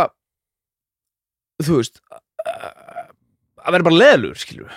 Við sko Já, að meina, já. bara hvernig hann bara ekki farin ekki einbeitt mér okkur, skilur. Sem hljómar alveg frekar næst sko alltaf en ég er bara svona, ég nenni ekki að bara fara í klippingu á eðlum stöðum og bara eitthvað svona þú veist, sem ég langar bara að gera eitthvað svona rugl aftur, skilur, bara að halda áfram að þú veist, skoða hesta á 150 skall á netinu og skilur bara eitthvað svona bara eitthvað svona almennt rugl, sko. Bara hafa gaman lífinu. Já, runni sko, eða þú veist þótt að náttúrulega vera með ADHD er náttúrulega bara, það er ekkert bara eitthvað að vera eitthvað sko að hesta á netinu og það er með eitthvað þráhyggjur það er líka alveg svona það er bílu kvíðakost og upp og niður og hérna þú veist og, og hérna og, og bara, veist, bara sveflaus á nætur skilur og eitthvað svona, bara svona deep shit skilur, en þú veist, það er líka, þú veist, ég veit bara að það kemur og fer skilur, þú veist, ég er ekkert að stressa mig við því lengur þegar maður er einhverjum einhverjum kvíðapælingum og eitthvað, það er bara það var bara búið bráðum skilur og eitthvað þannig en þú veist, Ertu mikill kviðasjókningur? Gauður, ég er fokk mikil kvíðasjálfingur sko. en þú veist ég hlæ ókslega mikið af öðrum kvíðasjálfingum af því ég er svo mikil kvíðasjálfingur og þú veist, ég er bara, þú veist, mér, og ég, ég er ókslega, þú veist, ég er mjög naskur á að spotta, veist, hver er veist, og ekki skilur sem er ókslega fyndið, þú veist, og það er fyndið að gera grína þeim en þú veist, fyrir mér skilur þetta þetta hljómar eitthvað sem er sko svona piece of shit move skilur að gera grína kvíðasjálfingum en ég er algjör fokkin kvíðasjálfingur sko. þú veist, ég, þú veist, að vir, ég virki ekki þannig skil og þótt að þú veist ég er alltaf eitthvað svona tæpast af aði með ég er alltaf eitthvað svona að mæta og senda eitthvað og eitthvað svona þannig þú veist, það er bara eitthvað þú veist, það er ekkert alvöru kvíði skilur, þú veist, að vera eitthvað stressa sig yfir, þú veist, eitthvað svona litlum hlutum skilur, þú veist, það er bara þú veist, ég er að hefa alveg tekið svona þú veist kvíða bara, svona, já, ég er að fara að deyja kvíða skilur, svona þannig kvíði skilur en Eru er þá að tala um bara uppköst og svoleiðis kviðakost? Nei, ég hef ekki alveg dóttið það sko En ég var alveg svona, þú veist, ég veit það Þú veist Eh, Nei, þú veist, eh, nei, nei, alls ekki þannig sko uh, Þú veist, þótt ég hef alveg lesið til um Skilu, svona brútal kvíðakost Ég er ekkert þar held ég sko. Nei. En ég er samt alveg svona Þú veist Ég, ég sé eitthvað blett á Hérna, ég er með svona, ég er svona núna Ég er með svona fæ, fæðingablett á maðanum Sem þú veist, lítur ekkert vel út, skilu og þú veist, svo þegar ég fyrir að pæla eitthvað í honum bara, þú veist, aðeins, eitthvað aðeins vittlust skilu, þá var það bara, nei, nei, ég var bara ég var bara tvær ykkur eftir, sko, þú veist, eitthvað, eitthvað svona skilu, sem er að svo vaknaði bara morgun eftir og bara, hvað, bara fæði ekki blæður, skilu, þú veist, eitthvað svona Kemur svona- alltaf, alltaf að vesta. Já, kemur alltaf vest upp í eitthvað svona rugli, skilu, eða, þú veist, mjög oft, sko. Já, þú veist, ég er ekkert alltaf eitthvað tvær ykkur eftir, eitthvað, þú veist, þegar ég hóstaði eitthvað hann, skilu, en þú kemur alveg, uh, þú veist, eins og ég meittist í fótballtanum, hérna, rétt fyrir tímabili núna, hvað í apríl fekk eitthvað sem heitir plantas fascitis í hælinn sem kallast hælspori. Og þú veist, það er bara eitthvað sem þú tekur bólgöðendu úr teipaðar og þú bara aftur inn á með þig, skilur Nefnum ég fór bara að googla það og það bara, her, það er bara þrý mánuði, hvernig menn ég er bara búinn þú veist, þú veist sér mig eitthvað vellinu í sumar, þú veist, eitthvað, eitthvað Já, svona, skilur þú veist, og svo bara, þú veist, eins og segir, þú bara vaknaði morgun eftir og bara hvað grín er þetta, skilur, hvað, hvað er að stressa með þessu, skilur, þú veist, sem er, þú veist sem er alveg fyndi, sko, þú veist, og það sem segir, þú veist, þannig að þú veist, ég hef ekki dæla gaman að gera grín á öðrum kvíðusjöflingum, sko, þú veist, eitthvað svona, skilur þannig að, en hvað hérna Hélstu svo áfram með sálfræðingi eftir þennan fyrsta tíma þú fegst greininguna? Já, ég fór alveg, alveg alveg er, er, þetta er þetta ferðan til sálfræðings semst eftir að þú missir pappaðinn? Sko ég geri það en það er ekkert eitthvað það var ekkert beint út af því skilju ég hugsaði bara, þú veist, ég er búinn að dara við það og það er úrslega skynsalegt að gera það skilju þú veist, þótti að ég, ég, ég, ég var ekkert bara já, skilju, eitthvað svona lifnum til sálfræðing, skilju, ekkert eitthvað þannig. Þú veist, ég var meira bara þú veist, heru, þú veist ég er alveg deep traumatized þetta, skilju, ef þú pælir í því maður bara nýbúin með þess að pappa, skilju, og eitthvað svona þannig ég er bara svona, og ég er búin að vera að pæla í þessu og hérna, ég bara, herri, þú veist, ég fer bara, þú veist, það er bara eina viti, veist, vera eitthvað, pluss það, ég var hérna þetta var í, hvað, november sem ég fer eða eitthvað, pappi deyr í september og ég fer í svona november og ég man, ég búin að mæta eitthvað fótballtæðingar og þráður minn var bara sko eh, semst, ég var bara fa- á kom æfing það sem ég var sko það voru eitthvað svona 17-18 ára strákur sem mæta æfingu hjá okkur þá, svona í november Já. og ég var bara legit að fucking dundrað niður, þú veist, bara eitthvað því ég var, þú veist, pyrraðar því klúraði að færi, skilju þá tók ég bara eitthvað einn og ég bara svona ég reyndi ekki svona við boltan, ég hló bara að hann og dundraði nýðan hann, skilju, bara eitthvað svona rugg þú veist, því ég var bara ógeðslega reyður sem er auðvitað bara svona bein tenging að eitthvað svona veist, biluð þunglindi skilju og við erum bara eitthvað svona komin í þessa pælingar alltaf bara eitthvað alltaf bara að taka löppina af einhverjum hérna 17 sem er að prófa mestarlagsækur skilju eitthvað svona. Og hérna og ég var búin að nefna við sérst stráki í liðinu mínu þá sko sem að er sálfræðingur í kviðmærfastöðinu og eftir, eftir þá þá var hann eitthvað já ég, ég hendiði bara inn núna skilju hann eitthvað ég var ekkert búin að gleyma þessu hérna, og hann hérna þetta er mjög góð vinnu minn sko og hérna hann, hann gatt fundið skilju hann þekki mig ókslega vel þessi strákur og hann plús er að vinna þarna. Hann, er, hérna, hann gatt strax veist, bent mér á sálfræðing sem er góð fyrir mig eða sem hann, hann myndi halda, sem var rétt sko. Og er- óslega góð sálfræðing þessi kona sem ég, ég var hjá sko hérna hann ég fer alveg í slatta tímum til hennar sko. Og aðalega bara því ég komin í eitthvað svona þú veist ég var farin að eins og gerist þegar maður er ennþá skilja þú veist ég er farin að vaka lengi og ég er farin að uh, þú veist að dagarnir mínir er farin að líða bara sjúklega hratt og ég er ekki neitt í rútín og það fer allt bara, þú veist, ég get ekki gert neitt einhvern veginn og þú veist, samt að reyna að gera allt einhvern veginn og veist, það fer bara allt í eitthvað svona ADHD klessu, skilju þá stoppa ég alltaf bara heyrðu, þú veist, ringdi ég hana bara, heyrðu, ég bara verð að koma á stíðin, skilju og þú veist, og þá þú veist, rættu við eitthvað saman og hérna og það er mjög næst að fara til sálfræðing, sko, ég hef alveg, við áður um, þú veist, fólk sem er eitthvað svona þú veist, hefur kannski ekkert ástæði, þú veist eða, þú veist, þótt maður þurfi þess ekkert, sko. Það var eitthvað svona, ég hef alveg pælt í, því, skilju, þú veist. Þú fer hann inn og það skiptir ekki máli hvað þú segir, allan, allan að mín reynslaði, skilju Já. eins og hérna, þú veist, ég man ég var eitthvað að tala um, sko, því var nýbúin með þessa pappa og þá segði ég eitthvað svona ég er bara, þú veist, ég áfann bara kvíðakast yfir bara og eitthvað svona að, þú veist, bara eitthvað mamma mín myndi veikjast og eitthvað svona þannig. Og þá segir hún bara svona, reynir hverjar eru líkunar á því veist, eh, bara svona, og eitthvað svona svona, veist, veit, hún var ekki eitthvað reynir, hverjar eru líkunar á því, eitthvað, ef ég hún það hljóma þannig, skilju, en, en hún tók bara svona þú veist, hún pælir því, þú veist hérna, og hún bara, veist, hún bara skólar þig, skilju Já. hún bara svona tekur eitthvað svona allan um mig hún, veist, og á þess að hún er ekkert ég veit, ég veit, á maður, ég er bara ég er að mála hana sem einhverja einhverja, einhverja leiðenda konu þetta, sko, þetta er þetta er topp næst kona, sko, en hún hérna hún tók alltaf mig og bara svona reynir, hvað hérna, þú veist bara, þetta er ekki þannig, skilur, þú veist, hvað er og þú veist, og segði mér svona þú veist, og bara eins og þú segir, bara fucking skólaði mig, jarðaði mig bara á okkur svona þreim setningum, hann var bara svona já, hvað er ég að gera, þú veist, hvað er ég að pæla því, skilur, eitthvað svona svona. Þannig að þú veist, fólk sem að er að pælja að fara, skilur, þú veist, það er bara næs að spjalla við eitthvað lið sem bara veit miklu meir en þú um eitthvað svona mál, skilur. Já, já ég held, held að séu alveg bara, Hér er varð sálfræðing, já, ég hef farið alveg alveg mörgusum sko. Já, bæði því ég var ungur. Og er þín reynsla, þú veist, sögum á mín, skilur, er það, þú veist er þú, eða þú veist, er þú alveg með eitthvað svona, þú veist, eitthvað svona dýpa ástæður fyrir því, þú veist, Já, alveg, eða svist eftir ekki það að þú eru eitthvað kreifið það núna, skilur, er, eða þú veist, ertu alveg bara þú veist, er þín reynsla eins og mín, eða? mér varst það bara virkilega gott að fara til sálfræðing sko. Já, líka bara fara og tala við eitthvað sem að þú getur treyst og getur sagt hvað sem er. Já það, þú veist, það er bara lið sem það er bara fokkin borga þessi lið fyrir að halda kæfti og laga skilur, þetta er ekki eitthvað þú veist, það er líka, þú veist, það á ekki að vera feimnismál að að fara til sálfræðingus nei, ekki alls ekki maður. Og svo það er líka bara gott að sé að, að hérna, opnast aðeins umræðan á það sko. Já, ég bara,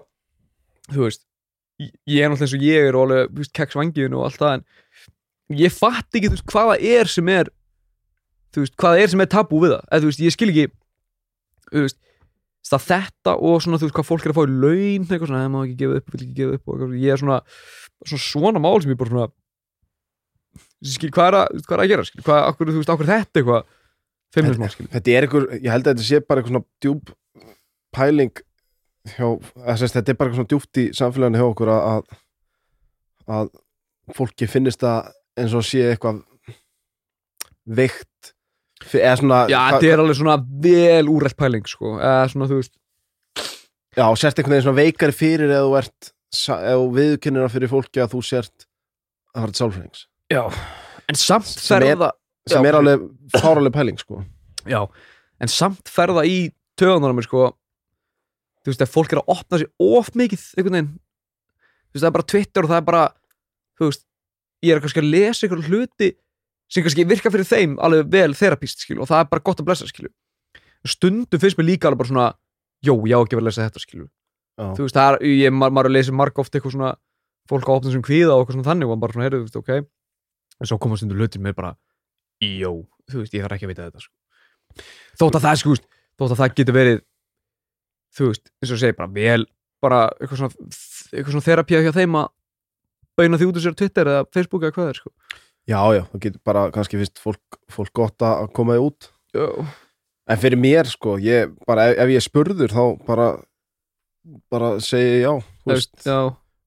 en hérna, ég kannski ekkit endilega að að ata því að fólki, sko. Nei, þú veist, maður er ekkert eitthvað maður er ekkert eitthvað, hvað er ég í morgun? Svalfræðingi, en þú, eitthvað, þú veist, maður er ekkert eitthvað þarna, skilur, en þú veist, ef eitthvað spyr mig, þú veist, maður bara þú veist, já, eða, þú veist, þetta er ekkert eitthvað þannig, sko, Nei, en ég held að sé sem þetta breytast, sko. Já, og ég vona líka bara að fólk, þú veist vona bara að fólk sé ekki feimi við það, sko. Því að það er líka, það er líka svo bara óþægild fyrir mann sjálfan, sko, að vera eitthvað feimi við það, sko, að segja það frá því. Já, því að þá er eitthvað svona, svona þetta, þá er þetta eitthvað svona skömm fyrir já, manni þá er þegar þetta maður- eitthvað svona, já, þetta er þetta er alveg glata, það er eitthvað svona Já, og líka bara þá, þá líður svona eins og þú sért að ja, þá ertu alltaf með eitthvað svona lindamál sem er alltaf, það er alltaf óþægild að vera með eitthvað lindamál sem ekki má vita. Mm -hmm. þannig að en, með. en hérna hans snúum ykkur tónlistin áttur Já, maður. Platan, Halli. Mm -hmm. sem skýrir í höfu á pappaðinum. Já. um, frábár plata. Takk maður fárlega góð, ég er bara ég er búin að vera með hana á nánast á repeat bara síðan tónleikunum. Já, það málið það já, Fíla ógeðslega góð. Uh, var hún lengi í bíker það? uh, Í rauninni ekki sko. Uh, Sko Hún er sko að mörgu leiti til eins og ég var bara að segja á hann þú veist, ég er eitthvað þú veist, hvað, þú veist þetta fólk opna við þetta núna, hvað, þú veist, en svo getur þetta verið þerapistur í þeim.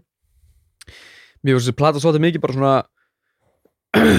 þú veist mér fannst að vera eh, rosa svona þú veist, þetta voru ákveðin lög sem ég bara gatt svona og svona kannski kapli, veit, ég er að fara svona vel dýp núna, sko, þetta var smá svona kapli í mín lífi sem ég bara svona gatt sett í nokkuð lög og bara svona veist, hent út og bara veist, já, hérna, og, og ég man sko að þetta eru sjölög uh, og ég man bara því ég var búin að gefa hann út og það var smá svona sem ég gætt anda aðeins léttar að því að mánuð eftir, áður en ég gefa hann út þá var ég bara búin að vera með mestu ritstíplu bara sögun sko. Bara ég gæti ekki komið upp í stúdíó og bara haldið á gítar líka, sko. Það bara kom ekki neitt veist, upp og ég var búin að gera þessa plötu á fyrir eitthvað stuttum tíma. Þannig sé, með að veika skara plötur. Og en þú sko, þegar ég gaf hann út þá var einhvern veginn bara svona, já, þú veist og eins og Ingi Báur segði líka félag mér ég var, hérna, veist, töða mjög mikið Inga Báur því ég er eitthvað svona, vill fá okkur svona ráð og okkur svona. Uh, og hann segði hérna við mig bara, þú veist, án í gamla ég segi bara Ingi, ég bara, ég næ ekki meira sko. hann segði, sem alveg rétt, þú veist, bara þú ert kannski bara búin að segja það sem þú þarft að segja núna, skilur og það var alveg rétt hjá hann þú veist, ég þú veist, þetta, þessi lög voru bara svona það sem ég þurfti að segja og kannski losa frá mér á þessum tím, tímapunkti lífinu minni, Já. og eftir að platan kemur út að þá fór ég aftur að geta bara allt úr mér efni, sko, hann að þú veist, hún var ekkert lengi í bígerð í rauninni platan sjálf, sko, en þetta var bara svona þú veist, ég baunaði út um mér bara svona það sem ég þurfti aðeins að segja, skilur, og bara svona, þú veist, jú, þú veist, en þið ráða hvort þið og þetta er sama þú veist, þetta er eina, eina efni sem ég hef gefið út þar sem ég hef ekki verið eitthvað svona þú veist, að stressa mig við því hvað er margir að hlusta og eitthvað svona þannig, skilju, ég var bara svona þú veist, þetta var ekkert gert út af því, skilju. Þú veist, þetta var bara, þú veist, ég var bara, hú, þú veist gerur svo vel, hérna, þú veist, þetta er þetta bara hérna bara, bara little bit of me, hérna, sko þú veist, með jafnlaði viljið, sko. En, þú veist þetta er ekki fárlega vænt um þessu plötu, sko. Já, mörg og lög ánum ég hérna uh, þú veist, en svo er þeim sem er að gefa núna út lag hérna bara, hvað er fókin klukkan maður? Í það maður. Klukkan hálf tólf. Já maður. Uh, hálftími veist, dropp þá er kannski, þú veist gott lag og alltaf, þykir vænt á líka en það er meira bara svona já, alltaf fólk ekki að fara, þú veist, aðeins að hlusta skilur, þessi eitthvað svona svona, skilur sem fylgir auðvitað bara að vera kvíðin og gera tónlist, sko. Já, einmitt. Þú tekur það fyrsta lega á plötunni það er lag þú setur nýja búning eftir pappaðin Já maður, ég hérna það heitir Nótt í Reykjavík. Ég er sem sagt ég að gera lagið, þú veist, sjálft veist, ekki með söng. Og ég var búin að gera eitthvað texta yfir það sem var, þú veist lélur og léleg melodi og allt lélegt. Og svo prófaði ég bara ykkur í ganni að uh, syngja sérst texta af gömlu lagi eftir pappa sem heitir Nótt í Reykjavík sem er ekkit þetta er rosalega ólíkt lag og og hérna veist, lagi mitt sko en það virkaði bara eitthvað fárlega vel að gera það sko. Hann að það er einhvern veginn þú veist, mér mjög fynda þegar ég var að því. Þú veist, ég var að hérna gera lagi sjálft sko, því ég, svona, ég trúði ekki hvað það þú veist, passaði vel einhvern veginn, þú veist, texti og hérna og við lagið alltaf, mér varst það bara svona hálf fyndi allan tíman, þú veist, eins ókslega gott og var. Já, en það bara kom svona fárlega vel út sko. Já það er fárlega gott gott lag en já, var, var það semst var aldrei spurning að, að það var þetta lag sem þið langar að gera cover af eða, eða Nei, ég bara, þú veist ég veit ekki hvernig mér datta þau, ég byrjaði eitthvað svona raula bara, ég eitthvað svona það er eitthvað, eitthvað svona rosa litla flugu í hausin um að hjóla í þessa pælingu sko. Uh, og svo prófaði ég tók bara þetta lag, ég man ekki hvort sko hvort ég hef verið að hlusta á það lag með pappa eitthvað svona í vikunni, hvort það hef verið eitthvað svona aðeins í haustum á mér eitthvað svo prófaði ég bara ég þótti ég hafi kunnan og textan alveg ágætlega, ég prófaði að vippa hann upp og bara hjólaði í hann sko. Já. Næ, næsta lag. Mm. ekki það ég ætla að fara ekki að ég ætla hérna að skeina plötunni. skeina allir plötunni niður en, en, en næsta lag, það er þúsund enn Já maður, það sem þú fær króla með þér, gott lag. Geggjað lag. Já, geggjað lag. Mér mér ákveð svo að vita sko hvernig svona samstarf verður til. Þekktur król eitthvað fyrir? Hvað, hvernig voru samskiptin og bara hvernig var þetta lag til? Sko ef við byrja bara að króla sko króli hefur held ég bara gert meira fyrir mig sem tónlistamann heldur að hann held ég veit sko. Vegna þess að bara til að byrja með þá sem sagt þegar ég og okkar saminlega vinnur Viktor Jóns uh, gáum út hraðamett sem vennilegur sem er fyrsta lagi sem ég gef út sko. Uh, og ég gera það með Viktori og það var kannski fyrir aðeins kannski betur þá eftir en þá meira svona ég svona vilja vera tónlistamæður og gefa út og vorum með gott lag, gott lag skilur en við svona gáum út og skýrum okkur venjulegur og vorum eitthvað svona aðeins að fela okkur bak eitthvað smá grín þótt að það hefur úrslega gott lag og okkur hafa langað til þess að ná aðeins lengra skilur já, og við gefum það út og króli sem sagt hvað, svona mánuði eftir við gefum út og póstar hann í story og segir þetta er geðvikt. Og skrifnst þetta læginu ok. Og við erum alltaf bara holy fuck maður, króli hvað á 2018 þeir með þú veist sín lög bara sko, þú veist, mátti ekki skipta yfir á okkur út á stöðar, þá var, þú veist þeirra lög verið að spila hann eftir króla Jóp hann er bara, heyri, fucking huge maður. Ég follow hann á Instagram bara. Og hérna uh, þú veist, hvort ég hef sendt honum, ég man það ekki nú en ég follow hann á Instagram og hann, þú veist, greinlega sér að ég sé, þú veist, gaurin sem gera þetta lag. En hann follow mig tilbaka. Og eftir það, þú veist eh, vorum bara svona Instagram þú veist, vinnir en samt, þú veist, vorum ekkert í ykkur sambandi eða nýtt þannig uh, svo þegar ég er að gera breytti tímar plötuna með loga en að Luigi að það fái króla á lag. Og ég kynnist honum eila bara í gegnum það, lag sem ég og Ágúst Karel pródussunum sem heitir Allt og fljótt. Ógeðslega gott lag. Uh, hann kemur stúdíu þá og alveg svona tvisar og við förum eitthvað aðeins til hans. Þannig ég kynnist króla í gegnum, gegnum bara svona þannig, einhvern veginn. Og, og hérna, en svo þegar þetta lag verið til, að þá hérna, sérst, ég er búin að vera að setja svona Instagram-vídeos í stóri af þú veist löguna sem ég er búin að gera, þú veist, fyrir plötuna. Já. Og króli sendir á mig eh, bara, hérna, bara, herru, ég er að bara fíla í tætlur sem þetta gera maður, hérna, til í, kannski, sessjónbráðum og þú veist, reyna að gera eitthvað þú veist, ég er ekki að fara að segja nei við króla skilur, þú veist, það er eitthvað nei, ég er bara einn af mínu stöfi sko, hann er hérna hann er ég hérna, hann kemur yfir og já, ekki, hann kemur yfir og uh, ég man sko bara, þú veist, um leið- bara fyrst skipt sem hann kemur inn. Og við byrjum bara að spjalla og ég hérna búið að líða svona kannski ein, eina, tvær mínútur á okkur spjallið það sem ég segi við hann bara, heyrðu það ekki bara sína þér lögin sem ég er búin að gera fyrir plötuna? Og hann bara, jú, endilega maður. Og ég var þá búin að gera þúsund endurtökin mistök með Gustaf, að Ágúst Karl félag minnum Já. og ég með möppu í Google Drive og ég hefði skýrt þúsund endurtökin mistök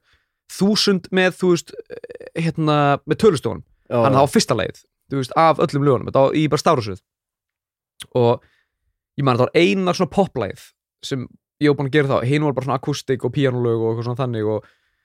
og ég ætlaði ekki að sína hann það af því mér fannst þetta að vera svona úr takti það sem ég var að gera og ég var svona, nei, ég, þú veist, jú, þetta er gott lag ég er bara svona, spá að senda hipsumaps bara eða eitthvað svona, gera eitthvað svona láta okkur annan hafa þetta og ég var búin að taka þetta upp sem one take af því ég ætla bara að eiga, þú veist, upptökuna af hérna, bara, bara gera textafið skilu og kannski gera eitthvað með þetta einhvern tíman Já. svo sýnir hann þetta lag og ég hækka hans eitthvað og ég hérna sný mig svona tölvunni svo sný mig við og þá sé ég hann er að fokkin strunsum gólfið í stúdíónu og ég bara heyri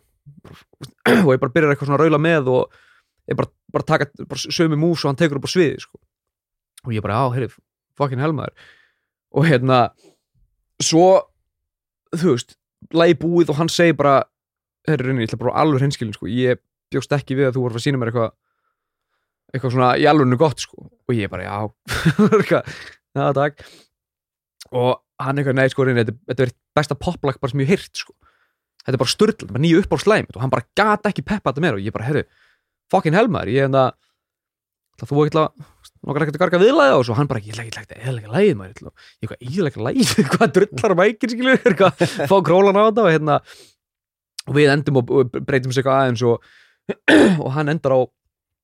bara að vera þannig á, sem þú veist, endi ekki mistök bara, fucking, fyrst skipt sem við bara vorum tveir eitthvað að tippast, sko. Já, hann, hann er einhvern veginn þú veist, búin að gera meira fyrir hérna, eins og segi ég á línu í hérna nei, plata mín áttalug, hvað er ég að fucking bulla maður í þors, nei, hérna það sem hérna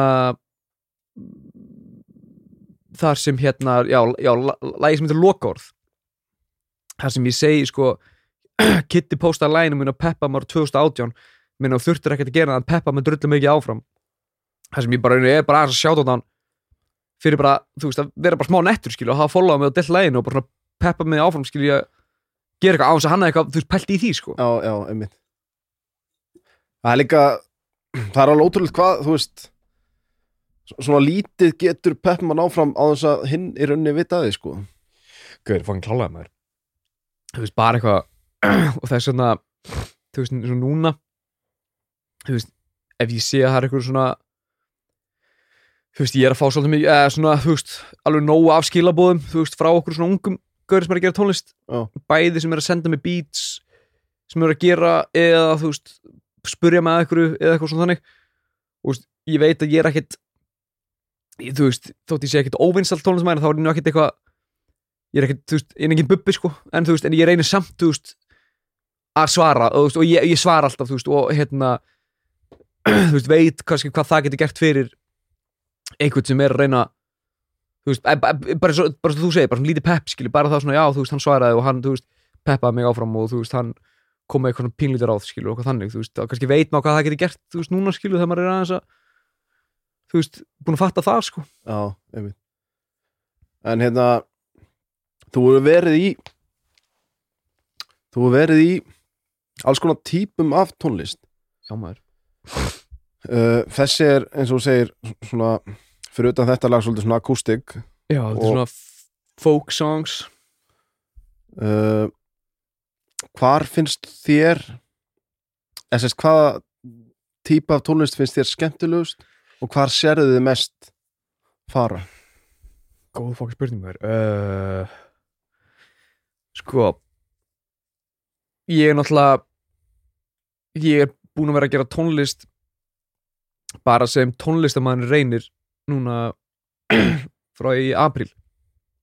Ég veist ég hef verið búin að pródusera áður, skilju, verið próduserin reynir og próduserin og tónlistamæður en ég, þú veist, í april frá ég gaf út hérna, þú sem endi ekki mistök þá er ég bara búin að vera þú veist, tónlistamæður, hann er mjög stötti tími í rauninni. Já, en ég sé sko ef ég er að spila live þá finnst mér best bara að vera með gítarinn. Já, eins og það er að segja kassagítarinn sko. Og vera bara að plokka og raula ykkur lög og hérna eins og ég var að spila í gær á spot, þú veist, í tímíndur þar sem voru fengnir alls konar artistar og eitthvað svona. Til að vera með kvöld að þá hefði bara tímíndur og þá hugsaði ég að ég tek bara gítarinn og ég tek bara tvö lög og blæðan sem milli. Og mér finnst það miklu þægilega ef ég spila live sko. En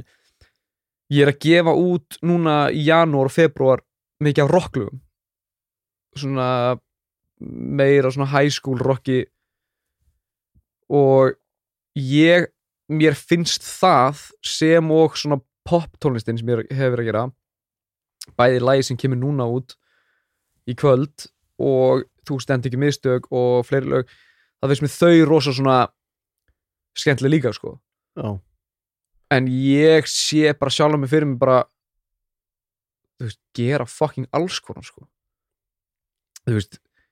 hvort það sem er hérna kassagítarinn eða eða rock eða þú veist, ég held að sé bara partur af því að vera jafn brenglar og ég er sko. Bara þú, að bara, Bara- fara út í alls konar. ég fara út í alls konar sko. Já, ég hérna þú veist, svo Spotify síðan minn sko hún er hérna, þú veist, tvö efstu lögin af því ég gaf út með Siley Boys. Þegar þeir gáðu sína plötu, fyrstu plötuna. Já, þá gaf ég út sem sagt og gaf ég hana út líka sem sem reynir sko. Þú veist, þá ætlaði ég bara með en pródusera svona pródusera account sko. Það ætlaði ekkert að fara út, í, fara út í það að vera eitthvað svona soloartisti sko. Já, já. Þannig ég hjóla í, þú veist, geri það og er ennþá súpa að segja það því þótt að ég sko elska þessa plötu með þykir óksla væntum hana. En þá þú veist, tvö efstu lögin mín eru Chuck og Droppi og Bílalæð, það, þau koma, þetta kemur einmitt upp á Spotify á þér Já. Sem er, þú veist, mér finnst geggjað sko, þú veist, en það var eitthvað svona það var að bóka maður þorrablót núna fyrir janúar. Og ég spila balli frá 2 til halv 3 Já, og það var eitthvað svona það var heyrt í mér og eitthvað svona já ég ég er aðeins búin á Spotify-inu skilur og þú veist ég veit þú getur haldið upp partí og allt það og hérna en þú veist ég bara treystu á það að þú komið með bara góð lög skilur ég fatt ekki á Spotify þetta er, þú veist ég hérna skilur og það er alveg svona þú veist alveg rétt skilur þegar fólk er eitthvað eitthvað já hvað er þetta að tjekka sem gæði þú veist gerð þú standi ekki mistök er- hann er bílalæði skilur. En þú veist og þú veist góð lög skilur. Ástæðan okkur að koma með þú veist næst í 150 spilunni bæði lögin skilur. Þú veist það er bara hann er ég hérna þetta er stemmingslög þetta er stemningslög skilur. Mér veist alveg geggja að geta þú veist bara já þú veist hann pródusera þetta skilur. Og þú veist að veri þessi gæði líka. Hann ég held bara ég muni held ég alltaf vera að gera alls konar sko þótt að ég leiti nú yfirleitt í eitthvað svona Post Malone vibe sko. Já. Hvað hérna Hvað finnst þið skipta mestu máli í tónlist? Þar að segja textin mm, í læginu eða melódian því að sko fyrir mitt leiti ég, ég, hugsa, ég hlusta rosalega mikið á textan því ég hlusta tónlist. Uh, en já, hva, hvað finnst þér? ég, maður, ég sko í raunin alveg bæði sko. Það er sumi tónlistamenn sem komast upp með það fyrir mig þótt að jörðin snúist nú ekki kringum mig sko. Þá var ég með mjög gott dæmi. Tónlistamenn Daniel uh, ég dyrka Daniel sko. Bæði sem tónlistamann og sem bara persónu. Þetta er ógeðslega góða gaur og hann gerir ógeðslega góða tónlist líka. En hann er með gjör óleika texta við það sem ég gerir þú veist, ég er alltaf með eitthvað svona, reyna með eitthvað svona deep pælingar og eitthvað svona kannski myndlíkingar og kom með eitthvað svona eitthvað svona þú veist, eitthvað svona, eins og segi, bara eitthvað svona gangi gegnum þetta skilur og eitthvað svona. En hann er bara með eitthvað svona pull up motherfucking Audi, bad bitch, kalla hann Saudi eitthvað svona svona skilur og þú veist og hann, þú veist, fyrir mér kemst upp með það skilur að mér finnst hann bara drullu nettur og þú veist, hann pulla þessa pælingu. Og ég var líka talandi við Króla þú veist, akkurat um þetta og hann var mjög sammála mér veist, Daniel, þú veist, pullar þetta ógstlega vel, þú veist, verður með geðu eitthvað melodýr og kom með svona, þú veist, sinn eigin texti í þetta skilju en fyrir mér, sko, ef ég er að gera tónlist ég hef alltaf verið með svona eitthvað svona geðt skrifna pælingar gegnum tíðina með tónlist, með, með texta bara í fyrsta lagi ef að uh, þú veist, ég er alltaf með bara svona, þú verður að semja þín eigin texta annars er þetta ekki tónlistamæður, skilur, eitthvað svona svona sloknaði á þóttu síðan ekki alveg búið sloknaði en ég get ekki gefið út lag nema að sé heil brú í textanum hjá mér, sko. Já, en þótt að hafi að, hafi að, það hefur aðeins slakað á því undanfari sko. Uh, og ég hef reynd að koma með bara svona þú veist dass af, þú veist, stemningsmelodíum en auðvitað með, þú veist, ég, ég held alltaf í gildin skilur að vera, þurfa hann góð texta skilur þú semur alla texta sjálfur ég sem alltaf textaði mér sjálfur sko. Ég hérna, veist ég er alveg mjög harður á því sko, ég hérna og finnst ég alveg vera, þú veist og hef bæði hýrta, eins og búin að bæra hann um króla alveg vel lengi en svo króli segði það sjálfur, skilur og þú veist þannig ég hef alveg svona, ég, ég veit alveg að textinu mínu er alveg svona, er alveg góður, skilur. Þannig ég hérna þú veist, textin fyrir mér er mjög mikilvægur sko. Bara geta í rauninni sagt eitthvað sko, að viti segja ykkur sögu í læginu í, já, bara það skil þótt að það þurfi ekki að vera eitthvað svona eitthvað svona byrjun og e- miðja og endir og en þú veist þá það er samt, þú veist að vera eitthvað heil brú í þessu skilur. Já, einmitt. Og þú veist, hérna tekið eftir því skilur núna eins og þú veist að fyrir eftir hversu gott lag ég er með höndunum það sem ég vandi meira með textan og skilur ekki. Já, já, já, eins og ég er með eitt lag núna sem að þú veist, kemur bara út bara snemma á nýju ári sem ég var að gera með Alexander Orra uh, Protestar sem Protestar by the way lagi sem er núna að koma út eftir hvað er fáin stutt í þetta maður? 11 myndum maður. Uh, þú veist, og það, þú veist, þá vorum við vel pikki á textan skilur, þú veist, það bara, heyri, við erum með það gott lag þú veist, þetta getur orðið eitthvað rugl. Þú veist, við erum ekki að fara að bauna einhver yfir þetta já. þannig að það er alveg svona marg svona pælingar með, með texta sko, en þú veist ég vil segja þetta bara til að loka alveg sko aftur en þá hérna þú veist, þarf að vera heil brúi í sig hjá mér sko, þótt að þurfi ekki að vera eitthvað svona eitthvað form sem ég fylgi sko. Nei, einmitt, skilið Eitt sem ég, ég bara fekk þetta í hausin núna sko og og það varum að tala um texta. Já. Lægið Óska mér já, sem þú tekur cover á plötunni þinni. Já, Semur þú textan á því lagið? eða? nei. Það er ekki mitt lag sko og hérna það er ég er búin að bauna þetta um króla mér eitthvað fækin endurist, ég hérna, það er lag eftir króla sko og Jóa P. Já, einmitt. Óska mér. Og það er þeirra texti sko. Hann er hérna þá var hann búinn að setja í Instagram stóri eitthvað er eitthvað hérna sem er búinn að covera lög eftir mig? Eða eitthvað svona eftir okkur eða eitthvað. Og ég hef búinn að vera með þessa flugu í höstum alveg lengi sko. Já. þú veist að hérna að covera þú veist eitthvað svona rapplag þú veist ég hef coverað og hef coverað hérna aldrei heim með Aron Kahn. Uh, og ég tók þá og hérna og þannig ég fattaði bara, hey, ég ætla að fara hans í gegn Spotify og þú veist, fannst þetta koma fárlega vel út sko og einhvern veginn, þú veist, pikkaði upp eins, hérna þess að var með lægi í gangi bara að spila það var eitthvað svona bara plokka á meðan, þú veist, og fann eitthvað sem meikaði sens og hljómaði vel, skilu og hérna, Tengir við textan í laginu? ég tengi fárlega mikið við hann, sko uh, bara það að geta, þú veist, og ég er alveg með alveg svona alveg sumar eins og þú veist, við tökum bara Óskamær textan þá hef ég oft hjólað í þá pælingu sko. Þú veist, að bara eitthvað svona þú veist bara eitthvað að láta sér dreyma, skilur þú veist, alltaf óska mér, þú veist að ég finni mig stað og eitthvað svona bara alltaf láta mig dreyma að mér líði vel hérna, skilur þú veist, að við förum aftur í eitthvað svona kvíða pælingar og allt það, þú veist, og er maður alveg fucking feitur kvíðasúklingur, skilur, og maður er bara hérna uh, þú veist, og hefur oft skilur og þú veist, og ekki það að maður að vera eitthvað ykkur kvíðakastni, maður er eitthvað, "Ég ætla að dreyma- að um að mér líði vel, hérna, skilur, eitthvað svona, svona þannig heldur bara eitthvað svona, þú veist, þú ert aðeins að pæli þú veist, þú ert alveg með frekar skýran haus og ert að gera texta og þá fer kannski að pæla hans í þessu og ert alveg svona, fer að skoða þetta frá okkur svona sjónarhóttni uh, þú veist aðeins utanfrá skilu, þá er bara eitthvað svona þú veist, eins og þetta tunglið hlæð sem er á plötunum um mér, þú veist bara, bara tunglið takti mig í burtu bara einhvert bara lengst frá þessum stað, skilu, það er svona simpæling, þú veist, bara heyrðu, þú veist, leið mér aðeins að drulla mér í þeim, skilu, bara veist, hvað er ég fann gangi hérna, skilu, þú veist. Þannig að ég tengi alveg fokk mikið við Óskamær textan, sko, Já, og tengi rosa mikið við texta sem þeir félagar gera, sko. Já, einmitt. Þeir eru Þeir eru náttúrulega helviti góður þeir eru drullu nettir, sko. Já, þeir eru það. þú veist, þeir eru einhvern veginn Þú vil bándaði líka vel maður. Þeir eru- bara þeir er bara sko sem með sem með króla sko og Jóp að þeir einhvern veginn, þú veist, balansar hvernig annars svo fárlega vel. En þeir eru líka sko þú veist eins og þeir, eins og, eins og króli hérna tók smá pásu núna að gera tónlist. Og hérna þú veist, og fór í hérna að leika leik hérna í hlifi hliði sýningunum og leik Bent Búalf og, og búin að fá alls konar gig í auðlýsingum og búin að gera drullu vel sko. og ég var að tala við hann eitthvað um hvað hérna þú veist, hvað akkur hann var hættur og hérna, þú veist, hvað akkur hérna já, bara akkur hann, veist, var að skilja að hætta í beila að gera tónlist og hann einhvern veginn bara svona hann segi bara, þú veist, að hann var rónast á þreyttur og, og hann hérna og hann hefði veginn sagt allt sem hann getur sagt í rauninni, skilju sem að, þú veist ég skil hann ógslag vel, skilju, þú veist, mér gæni bara, þú veist, um, pælir í magni á lögunum og magni líka bara af ógslag góðu lögum sem þeir félagar hafa gert á stöttum tíma, þú veist, bara á tveim árum, skilju, það er bara eitthvað svona, eða, þú veist við tökum líka bara núna nýðist plötuna bara á, á þessum fjórum árum skilur bara frá að voru að gefa út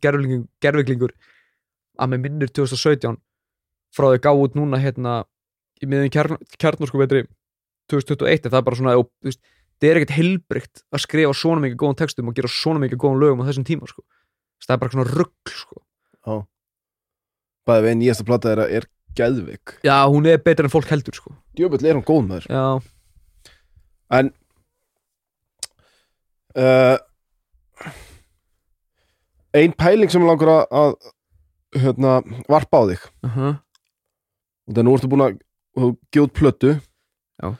og svo hefur verið að gefa út svona lag og lag. Já. og maður er heyrt uh, að það sé kannski svona aðeins að koma meira inn hjá tónlistfólki að út af Spotify, þú, veist, þú ert ekki að gefa út plötu sjálfa skilu, þú bara droppar heilir plötu á Spotify. Já, já, um, að droppa plötu versus að droppa lægi og lægi. Já. Hver er svona þi- þinn þi- eða sérst bara hver er bara svona mitt take á það einhvern veginn. Já, sko, er blö, plötu droppa að detta út? Nei, ég held ekki sko. Þú veist, liðið er alltaf ekki út plötur skilju og ég held að það mun aldrei hætta sko. Eða þú veist ég held að þú veist, fólk kann ennþá að meta fólk kann ennþá að meta plötur sko. Þú veist, það er ekki það. Ég var alveg sjálfur vel pælt í þessu því ég var alveg verið með pælinguna man ég var að tala með þetta gumma tóta einu sinni og ég segði eitthvað við hann eitthvað að ég er með svo mikið góð lögum en ég nenni ekki að gefa þetta út sem plötu hann er eitthvað, hann er eitthvað lög týnist og hann er eitthvað svona týnist, hvað mennur þú veist, hvað, hvað er bara þú veist, hann er þú veist, ef þú ert með nóg góð plötu þá mun engin lög hverfa, skilju, þá, veist, þá lögin munu spilast, skilju Þú veist, ef ef við tökum efstu tvö lögin hjá mér á Spotify-nu sem eru komið með sko hvað er komið örugglega 100 og þú veist 40-50 úst spilinir eða eitthvað Já. þú veist þá er að tala um sko hvert lag að tjökka droppi og bílalagið voru bæði bara lög sem voru á miðri plötu sko Já. þú veist sem bara eitthvað við gáum út og við gáum út hvað eitthvað eitt lag á undan eða hvort að við ekki gefum neitt lag á undan við bara droppum sjö lögum og svo þú veist ef fólk fílar þetta þá mun að hlusta sko Já. en ég var alveg sjálfur pælt í þú veist plötum og, og ég held að ég muni ekki ég held, ég, ég held að ég mun aldrei fatta það er unni sko. Hver er til dæmis þá hver er, hver er þá ástæðan fyrir að uh, þú sért að fara að droppa lægi núna myndi uh -huh. í staðin fyrir að býða eftir að þú kom með nóg mikið fyrir plötu Mm og droppa á heilli plötu aftur aðeins setna sko ég með núna sjö, átta lög masterið bara tilbúin sem ég gæti dropp sem plötu skilju Já.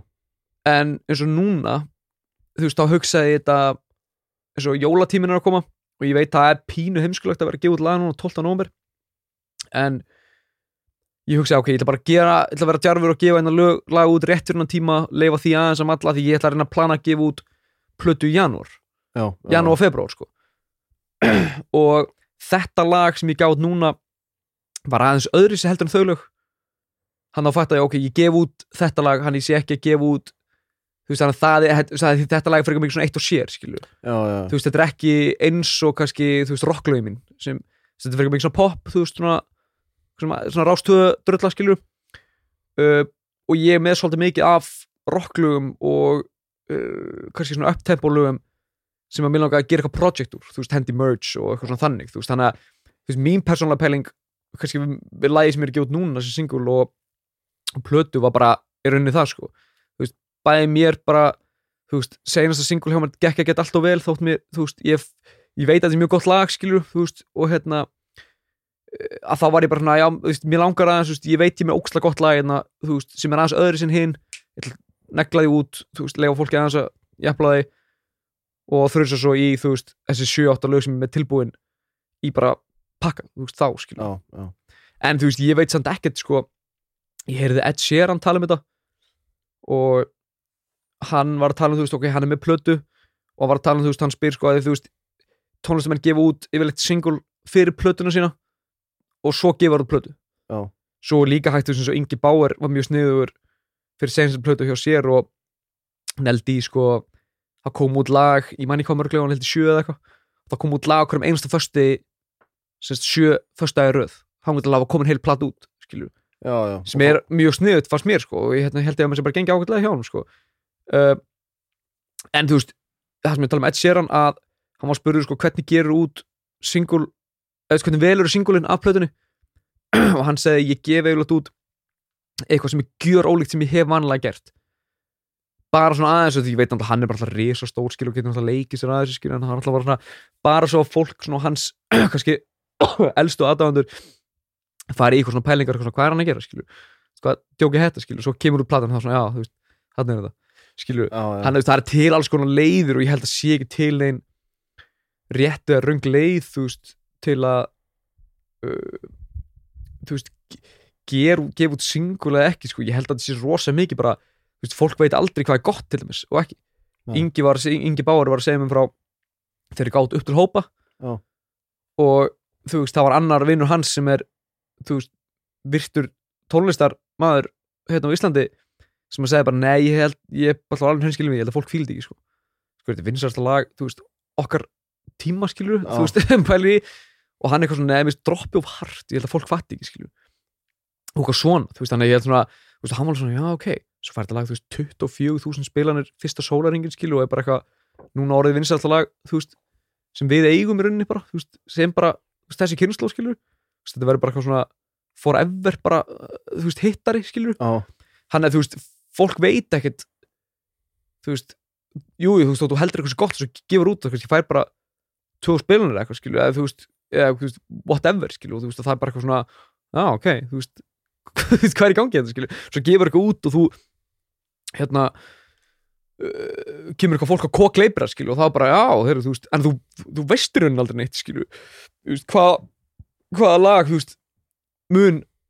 uh, bara blómstrar, sko já, hvað fólk tekur við já,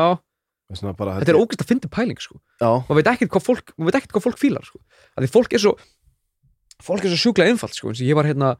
þú veist, ég, ég held að tónlistafólk brennir svo svolítið mikið á því að því að þú veist, tónlistafólk pælir svolítið mikið í bara svona eitthvað svona, nei, mér veist eða, þú veist, þeir sem er búið tónlist og kannski þeir sem eru þú veist, já, þeir sem er búið tónlist þeir pælir kannski, að, mér veist, snerið í læginu verið svolítið hátt. Að, ég veit ekki alveg með gítarinn er hann, þú veist, á hann að vera veist, þarna, skilur, ég var að bæta inn ykkur píanó þarna?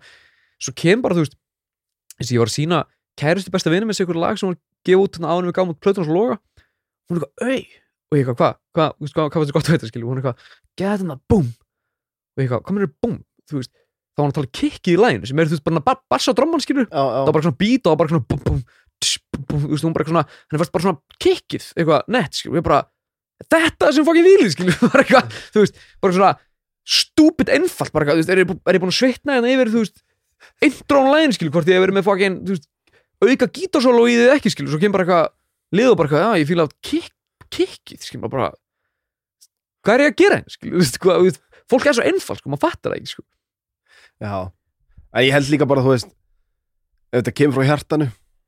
þú bara, þú veist, í Fólk tónlist mun- gleipa það, sko. Já, þú veist, bara saman hvað þú segir í tónlist eða eitthvað annað, ef þetta kemur frá hjartanu og þú ert sáttur með það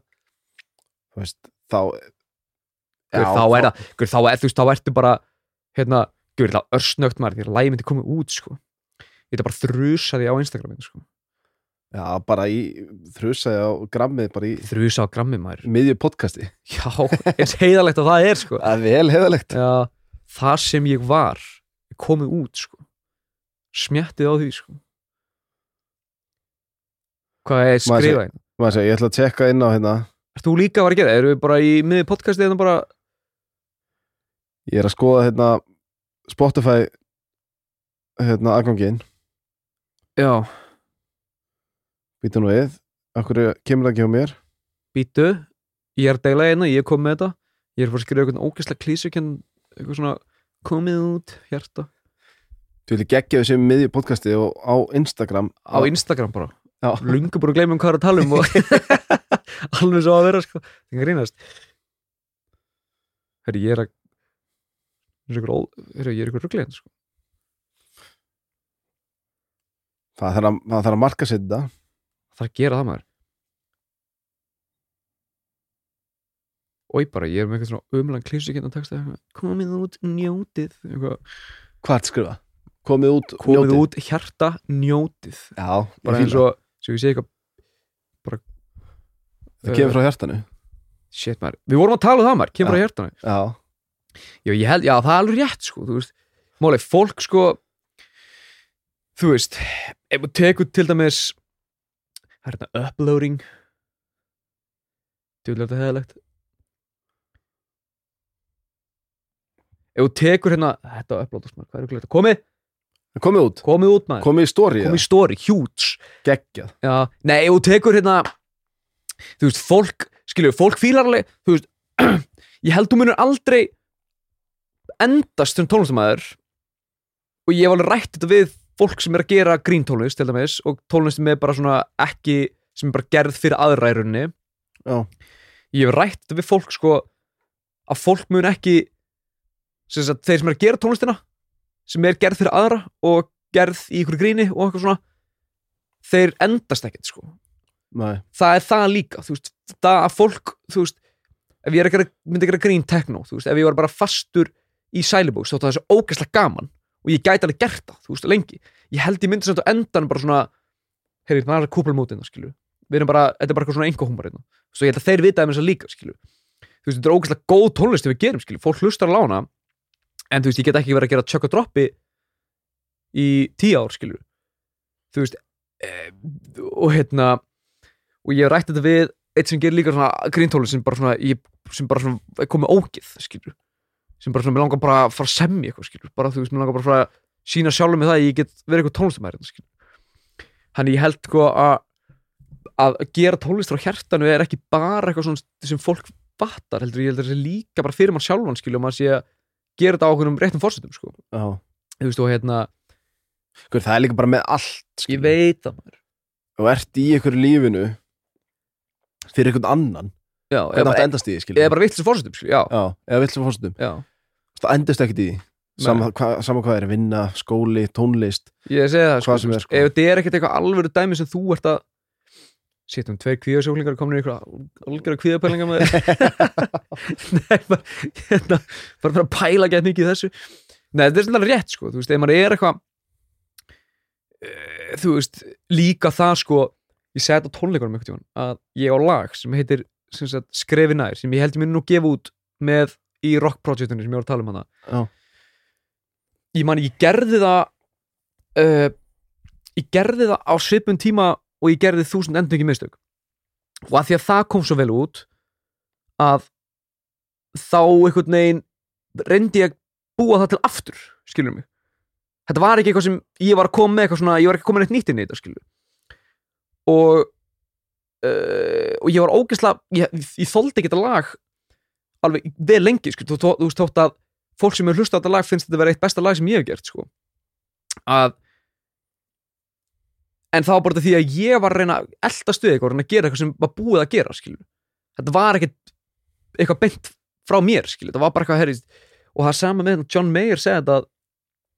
hérna sjálfur að sem ég er náttúrulega lítið fárlega mikið upp til að hann segði sko ef þú ert að elda stuði eitthvað sem, ert- sem þú ert ekki eða ef þú ert að elda stuði eitthvað sem búið er að gera þá myndi aldrei vera ánægð með það og ég tók þú veist, þetta lag og ég man ég var bara eitthvað svona nei þú veist þetta er ekkert þetta er bara eitthvað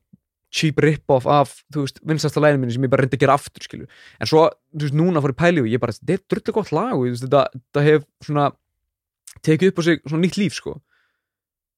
En við erum alltaf komin í eitthvað feita fokkin kvíðapælingar, sko, ég er að fokkin dyrka það, sko við erum komin í eitthvað bara að krifja gott en það, skilju það er eitthvað betur á hjartan og eitthvað, skilju það er fokkin geð Það er gaman aðeins maður. Já, maður. En herðu Hvað hérna Hver eru markmiðin? Tónlist? Og svona aðeins, í- aðeins í lokin. Markmiðin maður. Gauður, markmiðin maður? Uh, Þú veist, ef ég ætta Þú veist, auðvitað markmiðin mín að vera Þú veist, láta fleiri hlusta skilur og hérna og svona uh, markmiðið hjá mér þess núna er að koma meira fram þú veist, þótt þess að ég byrjar að koma hans fram og svona. Uh, en þá held ég bara að markmiðið minn sé bara að ekki fucking hætta sko. Að því að þú veist það er óslega auðvelt að detti í eitthvað svona gýr þú veist að vera þú veist hata drasli sem maður er að gera skilur og maður er þú veist uh, fær svona kvíða sjúklinga skilur hugsanir bara nei þú veist ég ætla bara að hætta þessu. Þú veist ég er ekkert ég er ekki fokkin tónlistamæður skilur og svo kemur næsta dag þannig að þú ert bara hvað er fokkin grammivélunum mín? Skilur og eitthvað svona. En þá fæ ég alltaf fæ ég alltaf hérna þú veist ég tek alltaf eftir ég kannski er alltaf að fá aðeins fleiri follows á Spotify. Ég er að fá fleiri follows á Instagram. Þú veist, með hverjum degi það er alltaf eitthvað svona aðeins að tikkin þú veist, eitthvað svona aðeins þú veist, og ég, þú veist, það kemur alltaf bara því að ég, þú veist, ég hef bara ekki fokkin hætt skilur. Já. þú veist, þegar ég byrjaði að gera tónlist að ég fekk ekki yfir 100 spilunar á lagheimur skilur. Þú veist, og svo núna er ég kom með þú veist, þúsund endengi mistök kom út í apríl minnum mig. Lok mars apríl og ég er að hjóla í, þú veist, 100 spilunir fyrir lok ást núna, skilu þú veist, tjöka droppi og bílaði bæði komið 150 spilunir eða eitthvað og hérna og þú veist, mér finnst það pínu svo steikt, þú veist, að pæla í því að því, þú veist, ég er alltaf svo ógeðslega hóværi og eitthvað svona, þú veist með tónlistunum mína, þú veist, þótt að ég veit, þú veist, og ég verið á stöðum þar sem að fólk kann lögin minn utan af, skilu þannig að ég fæ alveg svona, já, ok, herru, ég er að ég, seldi tvö- 200 okkur miða á, í veist, sem fyrstu tónleikata mín veist, ég byrja, eins og ég segi, veist, ég var tónlistamæður reynir bara í apríl, þú veist, ég gef út bara hætti að vera bara pródusörn reynir, þannig ég held að mín markmið sé bara að fucking hætta ekki, sko, bara gefa í, sko Já. þannig ég, hérna og ég hef alveg pælt í því svolítið mikið núna að þú veist, sama hvað fucking gengur á að bara,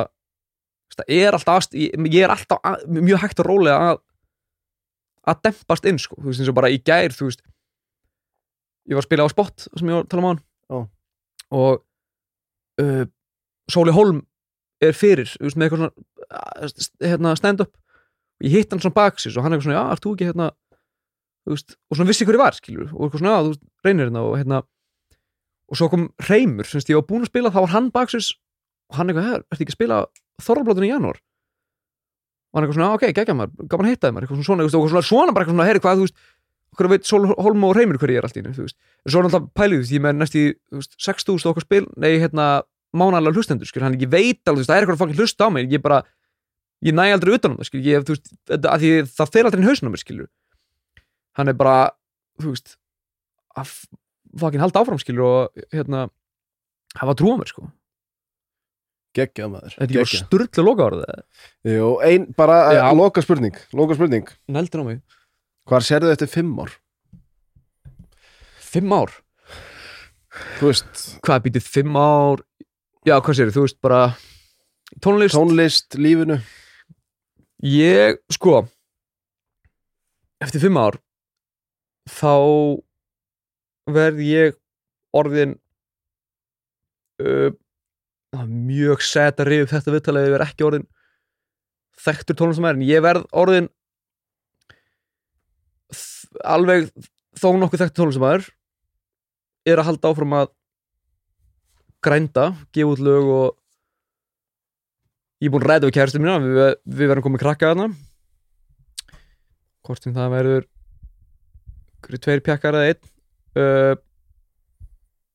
og ég verð búinn með kennarnám mitt þannig að ég verður örugglega vel fucking kaffi antúllin okkur kennarstofu að kenna ykkur með sjöndabekk sem umsöna kennir ykkur sjöndabekk eða hvað það er og verð bara hef, hef í þælur í í lífinu sko. En samt að halda áfram og og hérna og gjössalega keirum út á hverjum degi sko. Geggjað maður, þetta eru þetta eru geggjulókuð Þetta eru geggilókuðar Núna eru konum með það sko. Herri, gaman að fá þig. Já, takk fyrir að fá mig maður. Skellið spjall Ég maður. er fokkin COVID þurri kæftinum Ég er búin að fokkin fá munræfjörn á þig sko. Geggjað að fá þig, herri, tjekkja á reyni á Spotify, nýtt lag að koma út. Væntalega komið Komið út núna? Gefum út þáttin á föstu deg þannig að það verður komið út, tjekkja á nýja læginu og plötunni reyni á Spotify. Takk hérlega maður